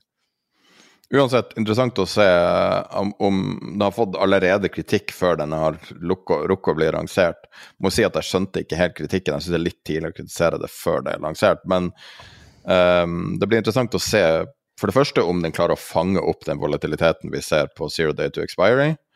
Og så blir det interessant å se om den har noe påvirkning på markedet. fordi at Vixen tidligere har jo vært noe som har vært en, en, alltid en viktig rolle, spesielt når ting går galt. Så har det vært en veldig god indikator på at ting går galt, mens det siste året har den jo på en måte ligget litt sånn litt stille. Og, ja, det er forbausende stille, og den er jo veldig stille nå, ikke sant. Og hvis du ser på de korte SMP-opsjonene, altså nå snakker jeg ikke om null DTE-opsjoner, men liksom sånn månedsopsjoner og sånt, så handler de rundt 14% volatilitet at the money. Og Vixen tar da med, med out of the money-opsjoner også, det er derfor det er et antall. Men den, den representerer veldig Altså, den illustrerer at markedet ikke beskytter seg i noe særlig grad. Og det kan man ta sant, på, på, to måter. Den ene man kan ta at ja, er, da er det vel ikke noe fare hvis ingen gjør det. Eller du kan si at det er akkurat da, da faren er stor, fordi man har ikke forsikring dersom noe går galt. Men så kan man da hevde, hvis man tar den siste, det er at for, da må man se på posisjoneringen, hvordan den er. Og den er ganske lav akkurat nå, den spekulative posisjoneringen uh, i, i, aksjer. Altså vi, nå snakker vi om det amerikanske markedet. Både SMP og, og Russell er, er, har hovedvekt av shortselgere de to indeksene, mens Nasdaq har akkurat snudd fra short til å bli bitte lite grann long. Det tar, oss, det tar oss naturlig inn i den neste tematikken, som er at long tech, altså langt store teknologiselskap, er blitt kategorisert som en crowded trade. Mm. En crowded trade er generelt en negativ ting. Um, når mange er inne i samme traden, så har det tendens til å være slutten på den. Nå har jo de aksjene uh, på gammelt av det man kalte FANG, har jo steget mye. Uh, og hvis du ser den oversikten til Bank of America, de har en sånn uh, Global Fund Manager Survey, det er der mye av det her kommer fra. Det er jo sånn spørreundersøkelser og sånn. Så i mars 2023 så var ikke long, long big tech stocks i det hele tatt nevnt som en crowded trade, og nå er den desidert den mest uh, crowded traden. Og short US Banks er nummer to, et mm. godt stykke bak. men interessant nok så ligger regionale banker fortsatt nede med, med knekt rygg etter alt som skjedde med SVB. Den ligger, altså Indeksen for regionale banker, jeg tror den heter KRX-indeksen, ligger uh, nede eh, på samme nivå. Den har ikke henta seg opp igjen. Mens tech-aksjer har kommet seg betydelig opp. Så bare interessante dynamikker her. Det var for øvrig nedgang i deposits nå i, uh, i USA. Altså, jeg tror det var forrige uke som viste sånn netto nedgang i deposit for første gang siden 1940. Deposit som inn i banker? Ja. Så siden altså, de solgte krigsobligasjoner? Ja, ja faktisk. Du må, du, må et, du må, et, stykke tilbake siden uh, Så um, Nei, men Det er jo ikke så rart at man ikke stoler på bankene når man diskuterer hvorvidt eh, SVB burde vært eh, eh, bailet eller ikke. Så du skjønner jo at Den ble jo baila ut til en viss grad. Ja, den, ja men, når, jo, men om, være, om, det burde være gjort, er man ja, diskuterer. Ingen tvil om at den ble gjort, det er jeg helt enig i. Jeg så og hørte så... på um, Howard Marks sin podkast, han hedgefondforvalteren. Helt fenomenalt uh, bra kommentarer fra han nesten alltid. Er ikke du enig i at han er bra? Howard Marks er bra, det er jeg helt enig i. Han er bare helt sånn bunnsolid. Han har en podkast, bare søker på Howard Marks og finner det. En sjelden gang kommer han ut Ja, Det er vel Oak Tree sin, er det ikke det? Jeg tror det heter, jeg tror det heter Memo et eller annet. Oh, ja, ok. Jeg tror det er Oak Tree som har den. Ja, ja det er hans. Jeg ikke. Mm -hmm. Ja, eller det, det, er det forvaltningsselskapet. Den heter bare The Memo by Howard ja. Marks. Uh -huh. uh, men da um, var litt sånn overraska over når de snakka der, over hvordan ordlyd de Altså hvor selvfølgelig de syns det var å garantere for alle innskuddene til SVB. fra mitt ståsted så svekker jo det den nasjonale balance sheeten. Det at man påtar seg risken fra SVB. Det er jo veldig bra å, å unngå et unødvendig sjokk med å vingeklippe næringslivet sånn, på den måten Ja, ja. at, at masse folk bare taper alle innskuddene sine på en måte uten grunn. Bare fordi at, at man har uflaks. Men det er jo hvordan presedens det er sett, for neste gang en bank har trøbbel, så vil jo alle kreve, ikke bare be om, men vil da kreve at man skal garantere for alle innskuddene. På et eller annet tidspunkt så begynner USA å ikke klare å bære og garantere alle de innskuddene. Hvor lang tid gikk det før, eh, før eh, man hadde tømt banken for penger? På én dag En tredjedel var jo ute. Ja. Sånn Nå, at, nå snakker du om Silicon Valley Bank. Silicon? Valley Bank. Men altså, Ja. det viser jo at det moderne, altså et moderne bankrun er langt mer eh, sannsynlig og kjapt med sosiale medier. Dette var jo basert på gruppechatter primært, som drev hele det greia der. Og som drev Altså, de store innskyterne her var jo bl.a. venture capital fond og, og selskaper som hadde fått inn eh, fått inn penger gjennom disse venture, eh, venturefondene, Ja. og som alle var tilknyttet det samme nettverket som du, du snakker om. Peter Thiel gikk ut med denne meldingen, og den gikk som ild i, i tørt gress. At eh, han hadde trukket ut pengene sine, og da, da var folk på. ikke sant? Fordi her så man at her var, det, her var likviditeten deres sto i fare. Så altså, hvis Silicon Valley Bank kun hadde hatt private sparere som, som innskytere, så hadde det nok tatt mye lengre tid. Men det at det var en det er ikke sikkert. Nei, jeg Altså, tror det. Altså, jeg, jeg tror fordi dette her var Storyen om SVB gikk jorda rundt Mm. overraskende fort. Ja det gjorde den for, for all del, men det, det Og du gjør det jo på mobilen. Det er jo ikke sånn at, det, altså det ikke sånn at de her folkene i Silicon Valley har noen sånne unike Nei, redskaper. men De aller fleste, altså Hvis du røska penger ut, ville jo ikke engang ha, ha noe sted å flytte det til. ikke sant? Ta, ta i Norge, er hvor du må da gå gjennom ML og KYC og alt mulig sånn med en annen, du, ikke sant? det, helt seriøst, er det en god idé å ha en sekundærbank? Ja, altså enten del, eh, altså hva hva er alternativet? Alternativet er at du instruerer banken din til å kjøpe statspapirer for, for, for pengene dine, ikke sant? Altså statsveksler eller et eller annet sånt. Ja. Det er jo faktisk et godt alternativ. Ja, og, og, og det ville vært altså det ville vært mitt alternativ før Altså, det, jeg, vil, jeg, vil, jeg tror det Ja, er men det da må du ha ville de gjort. papirene i orden også. Du kan ikke bare gå rundt og snu deg rundt. Ja, men da er du allerede KYC og, og, og sånt noe hos banken. Ja. Slik at den banken vil jo kunne utføre det, ikke sant, for deg. Men når du skal flytte det til en annen bank, så må jo den banken da vite opprinnelsen til disse pengene og hele ikke sant, eh, All hell breaks loose da. Så, Nei, vi får bare håpe at Fixrate får en kunde, nei, en sånn privatkunde-facing business. ja, det er riktig. Ja. Vi har, jo, vi har jo spurt han om, eh, om han skal ha også samme for privatpersoner, ikke bare for selskaper. For Mm. men selvfølgelig, en sånn bankrunning, at det er jo veldig, veldig psykologisk. Kanskje det mest psykologiske av alt i finans er et bankrun. ja. Det, det er 100% basert på frykt. Ja. Ingen rasjonalitet, men samtidig er det jo hyperrasjonelt å være kjapp der. Mm. For der er det jo snakk om å tape alt, og det har jo utallige historier fra historien om folk som har tapt alt pga. Um, av bankruns. Så det er spesielt. Eh, hva du syns mot Vixen toucha ned i 1659, laveste på ett og et halvt år? Igjen så er det eh, spot-vix, ikke sant. Futuren eh, trader, trader høyere, men som jeg, jeg sa i sted, så, så er det jo dette her Jeg er forundret over den lave volatiliteten vi ser, på tross av alle de tingene som jeg føler Og det kan være at jeg tar feil at the end of the day, det vet jeg ikke, men som kan plutselig gå galt. Så det gir, det gir ikke noe mening. Men det, det, nå, nå har det seg jo slik at det er mindre svingninger i markedet. Det er mye, altså det er de laveste svingningene eh, på de tingene som, som jeg gjør, så, som jeg har sett på tre år nå, eller noe sånt nå. Men jeg vet også faren av å følge det innover, altså tro at det der blir veldig lavt.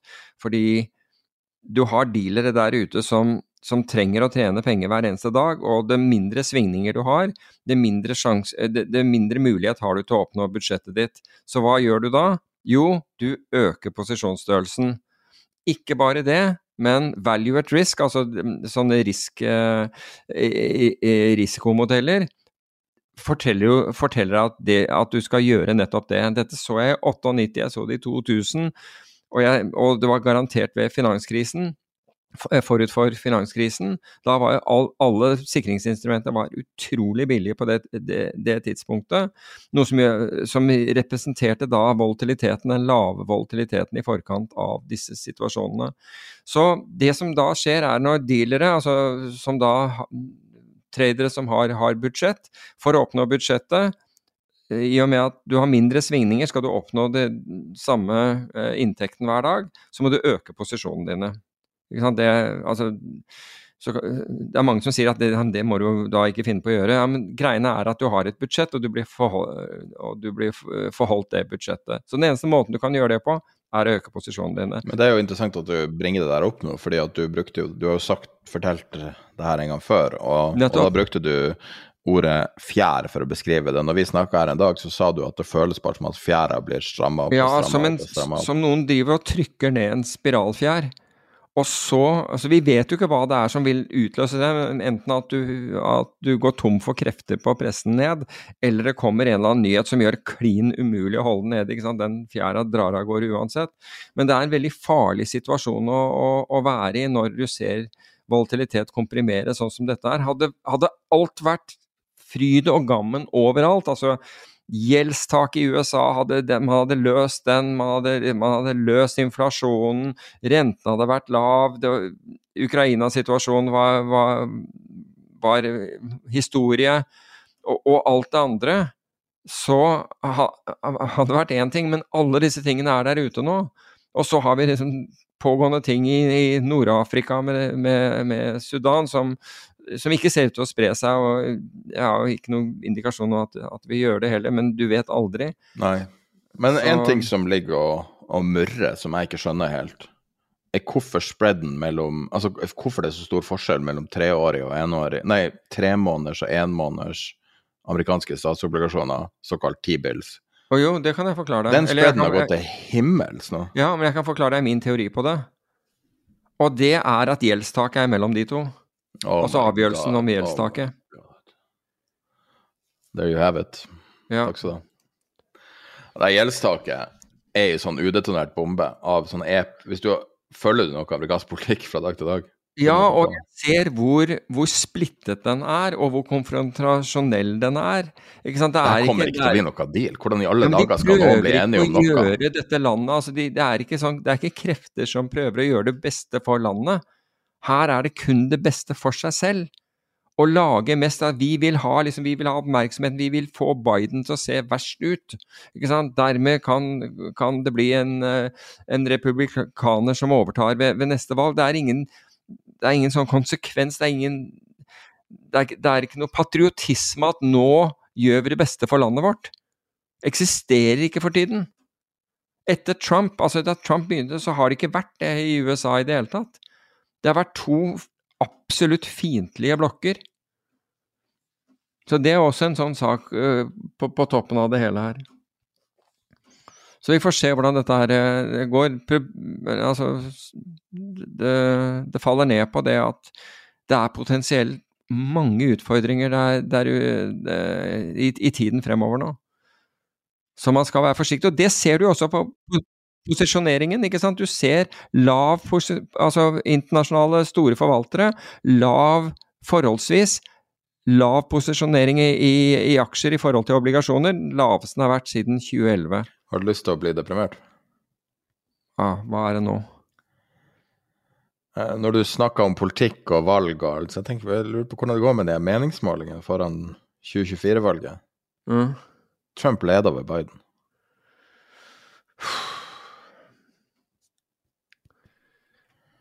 Kanskje ta den der melankoli-episoden uh, uh, om igjen. Så skal jeg revurdere hvordan jeg føler meg.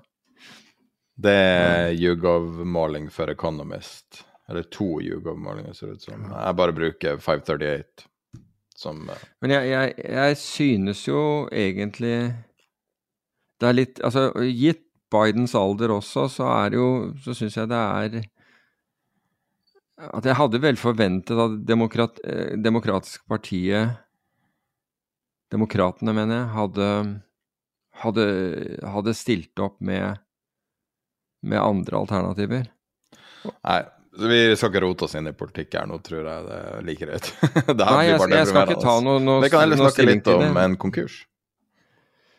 Bed Bath and Beyond har søkt konkursbeskyttelse, Mm. som igjen viser at uh, meme-aksjer er nok ikke den beste måten å eksponere seg for framtidig oppside. Så fra toppen i Det har det ikke vært i 2022 Norge heller. Ja. fra toppen i 2022 er den 98,73 Mm. um, Og vi vet vi har mange lyttere som sikkert har en eller annen eksponering mot det eller GameStop eller alt. Man må bare være forsiktig at, at it's not a joke når det kommer til dine egne penger. Mm. Og greit, hvis det er penger du kan tape, så er det sikkert greit, men uh, det er seriøst når et selskap som har så mange aksjonærer, blant ungdommer spesielt, som Bed Bath Beyond, det Mm. ser du jo på Reddit, ikke sant, at det snakkes mye om det. Og de har søkt konkursbeskyttelse. Det betyr ikke at de er konkurs, det betyr at de eh, eh, får uh, tid til å omstrukturere gjelda si. Så de kommer sikkert til å handle enda craziere enn tidligere. Mm. Antagelig. Så du det intervjuet med Michael Bloomberg i FD? Bare, ja, bare, Eller eh, saken om Michael Bloomberg, var det? ja. Eh, skrevet av eh, friend of the pod, eh, Wigglesworth. Han skriver godt. ja, han er veldig flink. Og um, jeg syns det var interessant å se at han er vel den som har tjent nest mest på finans når han holdt på. Litt sånn som dem som solgte spader og løsbukser til gullgravere, tjente mer enn alle gullgraverne. Mm. Det er helt sykt hvor mye penger det Bloomberg har generert. altså. Men det, er, det er jo Ja, men det vesentlige kommer fra å leie ut terminaler, altså eh, til, eh, til eh, banker og meglerhus og investorer. Det er, eh, tjener mer på det enn selve nyhetstjenesten. Ja, ja. Ca. cirka 95 går til terminaler. Ja, helt voldsomt. Helt voldsomt. Mindre og mindre relevant med Bloomberg-terminal, syns jeg. Jeg vet ikke hvorfor man trenger det lenger når det er så mye informasjon ute. Jeg, jeg føler ikke at jeg trenger det nå lenger. Nei, den er en luksus å ha fordi du har alt på den terminalen, inkludert den der chat-funksjonen og, og, og så videre, men eh, Men du kan få ganske mye med å Men det er et kombinere godt et par produkt, men altså Reuter gjorde egentlig det samme som Bloomberg, og det var det som ga Bloomberg den muligheten de hadde, og det var at Reuter du kunne, altså de hadde et nærmest monopol, og så var det ikke mulig å forhandle med dem, og så kjørte de opp priser, og til slutt så ble markedet forbanna. De ble forbannet på, på, både på Reuter hadde jo da informasjonssystem pluss dealing-terminaler, og det var jo årsaken til at en, en rekke av de største valutabankene gikk sammen og startet EBS, eh, Electronic Broker Services, som da på ganske kort tid utkonkurrerte Reuter når det gjaldt handel, eh, elektronisk valutahandel.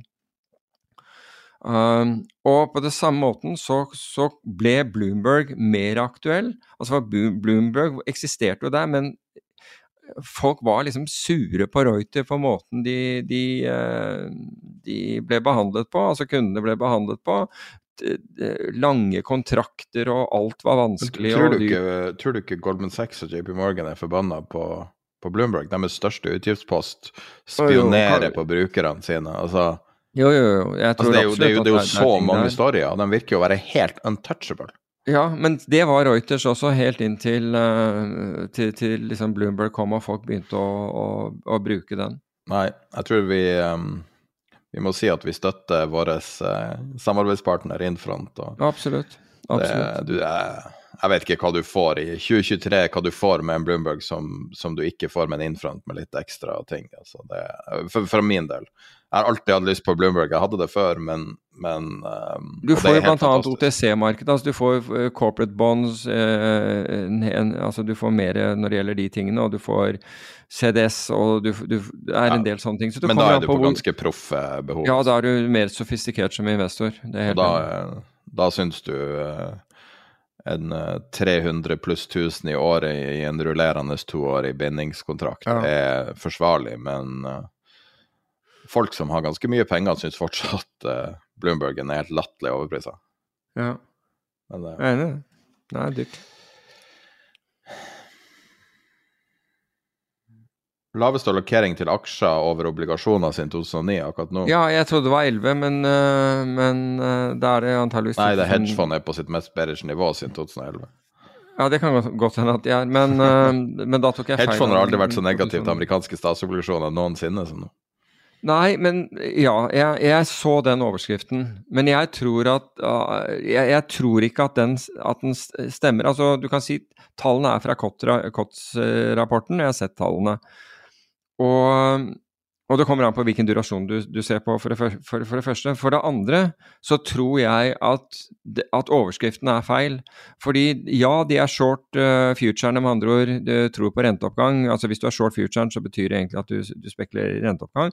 Men jeg tror veldig mye av disse handlene er basis trades, altså hvor de, uh, hvor de enten hvor de er long, uh, hvor de er long obligasjonen short gjennom futures og så girer de den traden. Så jeg tror det er veldig mye basis tra trades der også. Så jeg, så jeg, tror det er farlig å tenke at å helsike, det betyr nå at alle de store hedgefondene tror på, på, på, renteoppgang. Fordi det stemmer ikke med, med, med annen posisjonering som, de, som, som de har.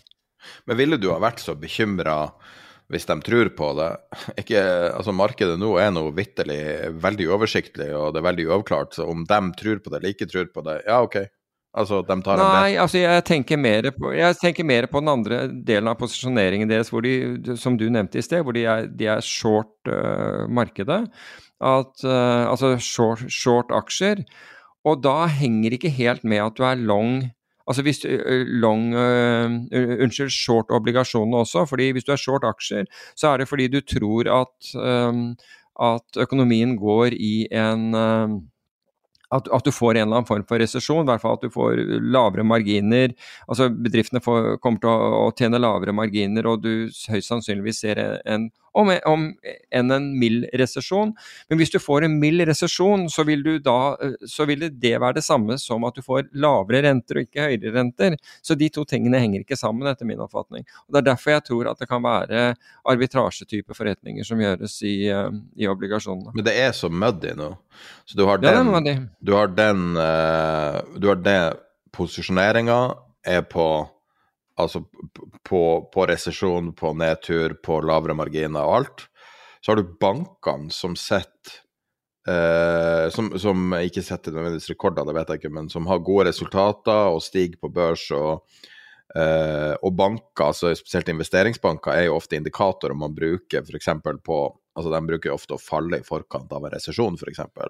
Så der er jo bildet uavklart siden de Men så du Morgan, Morgan, Stanley kom jo med tallene sine, hvor, hvor, hvor avsetninger var, var eh, til tap var, var, opp 400% og det er nesten utelukkende fra næringseiendom. Ja. Lån til næringseiendom. The shoe is about to drop der, altså. Ja, jeg skulle akkurat til å si det selv, fordi det vi har sett hittil, er mye den effekten av renter og negative carry, mens man har ikke, heller ikke der tatt inn over seg tap som kan komme fra endringer i, i, i eh, næringseiendom og refinansiering av, av, næringseiendom, som nå må skje til en vesentlig høyere rente, og faren for at loan to value er strukket, slik at slik at de som sitter på næringseiendom må inn med mer penger for å kunne låne tilsvarende. Så det er en del ting her som kan dukke opp. Altså, Hvor mye må Tollefsen refinansiere? Var det 30 milliarder? 33, 33 milliarder. Oh. altså Han er så stor kanskje at det er litt sånn her at du er skyldig banken en million. Ja, jeg, det, altså, jeg, jeg tror, ja men jeg, jeg, tror ikke at det er Altså, ja. Jeg svarer, tror jeg på det. Jeg, tror ikke det er noen bank som har lyst til å ta noen nedskrivninger på hvis, det, altså hvis man må det på, på, den porteføljen der. Men samtidig, altså det, det er så mye uavklart. og det, det som er interessant nå fra et sånn nerdeperspektiv, er jo nettopp at ting peker litt forskjellige veier. Mm. Ja, det er rotete, som du sa. It's muddy. Mm. Folk holder veldig tilbake på forbruk. Uh, I alle ja, I Norge kanter. så går jo i hvert fall forbruksgjelda opp.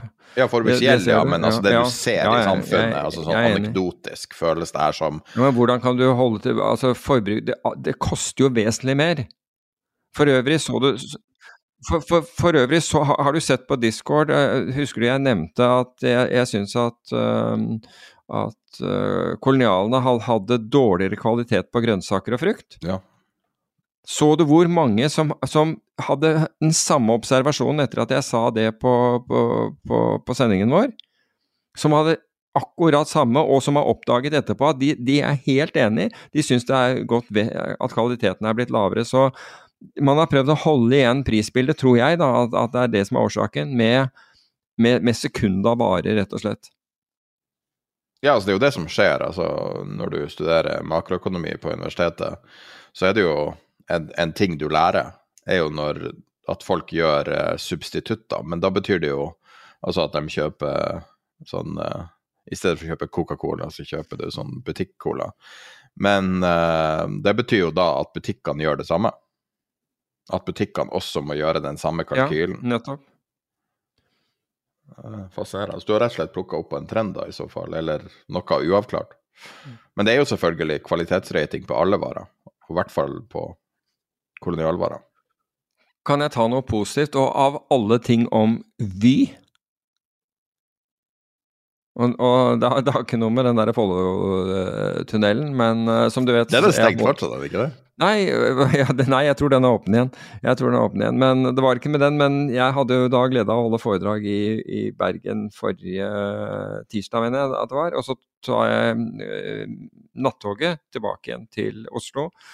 Og så merker jeg liksom, jeg syns det var veldig stille sånn på natta sånn i firetiden. vet du, du, du, er jo vant til at det beveger seg litt på, på et tog, og så kommer det over høyttaleranlegget, jeg hadde sånn sovekupé, at uh, skinnegangen manglet lenger fremme, slik at det måtte være buss for tog uh, mellom uh, hvor var det, Nesbyen og Fåberg, var det. Og poenget var at det tok Altså, jeg, jeg tror hele den operasjonen Altså, da finner de ut at her mangler det skinnegang. De ordner da Det var bare to, uh, i hvert fall som jeg så, altså i tillegg til lokfører, da, så var det bare to stykker på, uh, som, så, på det toget av, av, personell. Men de organiserte sørget for at folk ble, ble, holdt seg inne på toget, for det var jo kaldt som F utenfor. Uh, opp, opp, opp, i Nesbyen.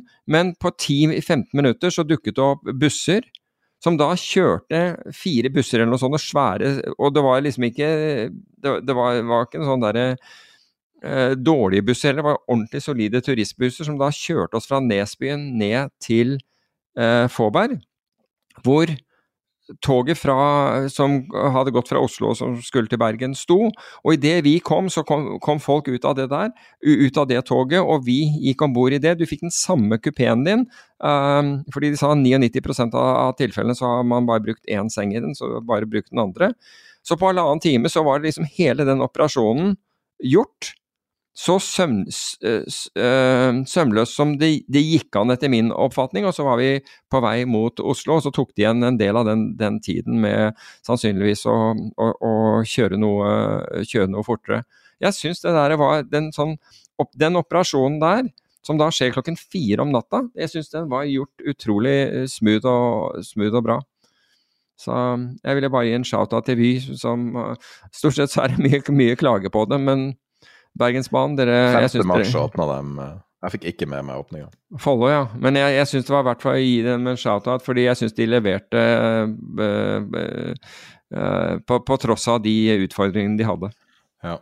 Nå vil jeg jo si som kynikeren da, at uh, de har nok buss for tog til å ha lært seg å gjøre det på en bra måte, men Jeg er helt, helt enig, men du vet jo ikke hvor du trenger bussene. Og, og, kanskje, det de, som... kanskje det her er en vedvarende feil som de er ute Men uansett, vi er litt sånn seint ute nå, så um, skal vi runde av på det du hadde om, uh, om uh, Nordic Hedge Fund Awards. Ja, det, det syns jeg. For jeg syns det, det, eh, det, var veldig gledelig å se. Fordi Hedge Nordic hadde sin prisutdeling i, eh, i, i, i forrige uke. Og dette er definitivt den første gang for Best Nordic Hedge Fund Overall. Da er det tre norske fond og de er veldig atypiske, de norske, fordi de, de, dette er fond som ikke uh, følger børsindeksen, for, for, å si det på den måten, som, som tar hele pallen. Altså de tre, uh, tre, første plassene. Det er Svelland Global Trading Fund, som vi har, har snakket om. Det andre er Oslo Asset Manage, uh, Management, altså OAM. Og det tredje er Oceanic Hedge Fund, som tar de, som tar de tre, tre tetplassene. Og jeg syns det er det som er, gjør det eh, så vel fortjent, det er at dette her er fond som har vist seg å være ikke korrelert i forhold til markedet. Vi vet jo at markedene var ned i, i, i fjor, og det til tross så, så, leverer alle disse fondene her solid, solid avkastning. Men det var Jeg syns det var unikt å se. altså Norge var jo et av de landene som var sist i gang med hedgefond. Det var definitivt i, i, i, Norden. Og nå er man liksom tok man de tre første plassene på, på den største rankingen. Jeg syns det var utrolig bra. Så det var, det var shout-out nummer, nummer, nummer to. Supert. Da runder vi av med et lite klipp fra det intervjuet vi hadde med Andreas Farberg i KLP. Det hele intervjuet er på vår Patrion. Legger også link til det i beskrivelsen og i nyhetsbrevet som går ut. Og da er vi eh, Hvis vi har noe med Patrion denne uka, så kommer vi senere i uka. Hvis ikke er vi tilbake på Det tror jeg vi kommer til å ha, fordi det er en veldig interessant konferanse i Oslo i morgen som jeg kommer til å delta på. Og så jeg tror vi kjører en Patrion-utgave denne, denne uken som forteller om hva som skjedde der. Kult. Ha en fin uke vært en del eh, mislighold, eh, bl.a. i Finland. Du har eh, et stort børsfall for de børsnoterte fondene. Hvordan har dette påvirka deg? Det må jo være stressende når det plutselig kommer sånn i fokus? Ja, det har vært uten tvil turbulens i næringseiendomsmarkedet, og den pågår fortsatt. Ehm, de børsnoterte eiendomsselskapene de falt jo bratt i fjor. Uh, ikke sant? Uh, norske selskaper med, med, lange kontrakter til staten plutselig halveres verdien av egenkapitalen. Så det har vært dramatiske bevegelser. Og så er det jo da sånn for markedet for næringseiendom, det unoterte markedet, at slike verdiendringer uh, de skjer med et visst lag, og så skjer de treigere enn det du ser implisitt på, på, børs. da. Um, men det er klart de siste ni månedene eller noe sånt nå, så, så har jeg tenkt at uh, næringseiendomsmarkedet er inne i en korreksjon. Og vi vet ikke helt når den korreksjonen tar slutt. Og den korreksjonen kommer jo egentlig som følge av at uh, du plutselig har risikofri rente, uh, som på kort tid stiger veldig mye. Og det er første gang vi har sett det egentlig i hvert fall siden 2007, og kanskje man skal gå enda lenger tilbake. Eh, og Spesielt når man da kombinerer det med, med høyere inflasjon og, og, forventninger om vedvarende høyere inflasjon enn det vi har hatt, så betyr det forventninger om vedvarende høyere renter. Og da bestemmes prisen på næringseiendom litt sånn enkelt egentlig av at marginkjøperen bruker gjeld for å kjøpe eiendom. Eh, og når da prisen på gjeld, eh, renta, går veldig mye opp, så innebærer jo det at avkastningskravet til marginalkjøperen går ganske mye opp. Og det har jo da veldig mye å si for hvilken pris de er villige til å betale for en gitt eh, kontantstrøm, en viss, viss, leie. Og da er det egentlig ren matematikk som gjør at eiendomsprisen skal ned. da.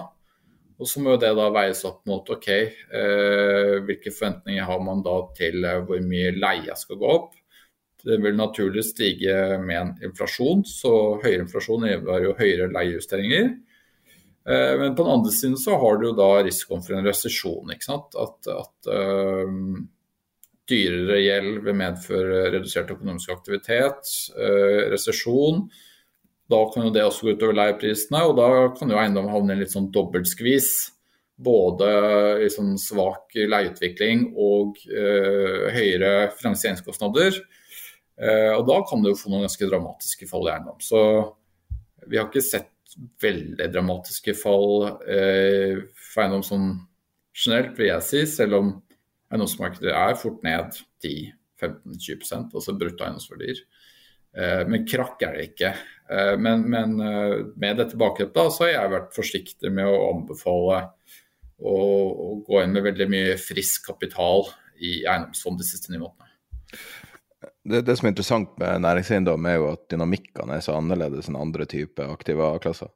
Og, og, det er sånn fra utsida, fra oss som, som, ikke har innsikt i transaksjoner, så er det helt det er helt uh, clear as mud, liksom. Altså vi, vi, ser, vi, ser, på en måte ingenting. Uh, og, og, du har jo veldig mange rike, f.eks. rike familier eller andre kapitalsterke institusjoner som ofte kan plukke opp veldig mye. hvordan, hvordan vil et, ei krise se ut i det markedet? Vil det være helt usynlig, eller vil det på en måte spille over i, i andre deler, også i boligpriser? Uh, den måten dette her kan uh, påvirke andre markeder, er gjennom at banker tar store tap på utlån. For Hvis banker begynner å ta store tap på utlån, så kan du få redusert tillit uh, i finanssystemet til banker. Og da kan du få liksom, den type situasjoner som du hadde under finanskrisen i 2008. Eh, så er det noen viktige forskjeller mellom eh, situasjonen nå og da. og En er rett og slett at eh, belåningsgraden på eiendom nå er mye lavere enn den var under finanskrisen. Den gangen så var det jo ikke uvanlig at eiendom var belånt med 80% gjeld. Nå er det Eh, egentlig veldig uvanlig. Og man er da med ned mot 60% sånn at da kan jo sant, 40 av eh, verdien på en eiendom forsvinne uten at, eh, at banken taper penger, da, sånn, selv om da åpenbart egenkapitalinvestorene vil, vil jo lide. Um, så, det, så, det, er liksom den, den systemkritiske eh, effekten du kan få ved fall på verdier i eiendom. Ellers så vil jo selvfølgelig et, et fall i, i, verdi på næringseiendom gå utover eh, formuen til, til, både institusjoner og, og rike. Og da, men da er det to ting man kan huske på. Det ene er jo selvfølgelig at um, disse eiendomsbesitterne forhåpentligvis er diversifiserte, slik at de ikke kun sitter med eiendom. Uh, det er jo tilfellet for KLP f.eks. Uh, vi har jo 15 av, av av pensjonsfondet allokert til næringseiendom, men så har vi jo også veldig mye aksjer og obligasjoner, slik at du får en diversifiseringseffekt. Og det andre er jo om man tvinges til å selge når eiendomsverdiene faller. Eh, Fordi så lenge du verken må refinansiere eh, midt oppi en sånn situasjon, altså at du, du har lån som har utløp lenger frem i tid, eller at du har andre likviditetsutfordringer som gjør at du, du tvinges å selge eiendommene når, når verdiene faller, eh, så er du jo i praksis litt isolert fra den formueseffekten. I form av at så lenge leietaker betaler leia, så er det egentlig det som er eh, cash-påvirkningen din der og da. Overdraft fees are just the worst. Get up to $200 in fee-free overdraft with a Chime checking account. Sign up today at Chime.com slash Goals24. Banking services and debit card provided by the Bancorp Bank N.A. or Stride Bank N.A. Members FDIC. Spot me eligibility requirements and overdraft limits apply.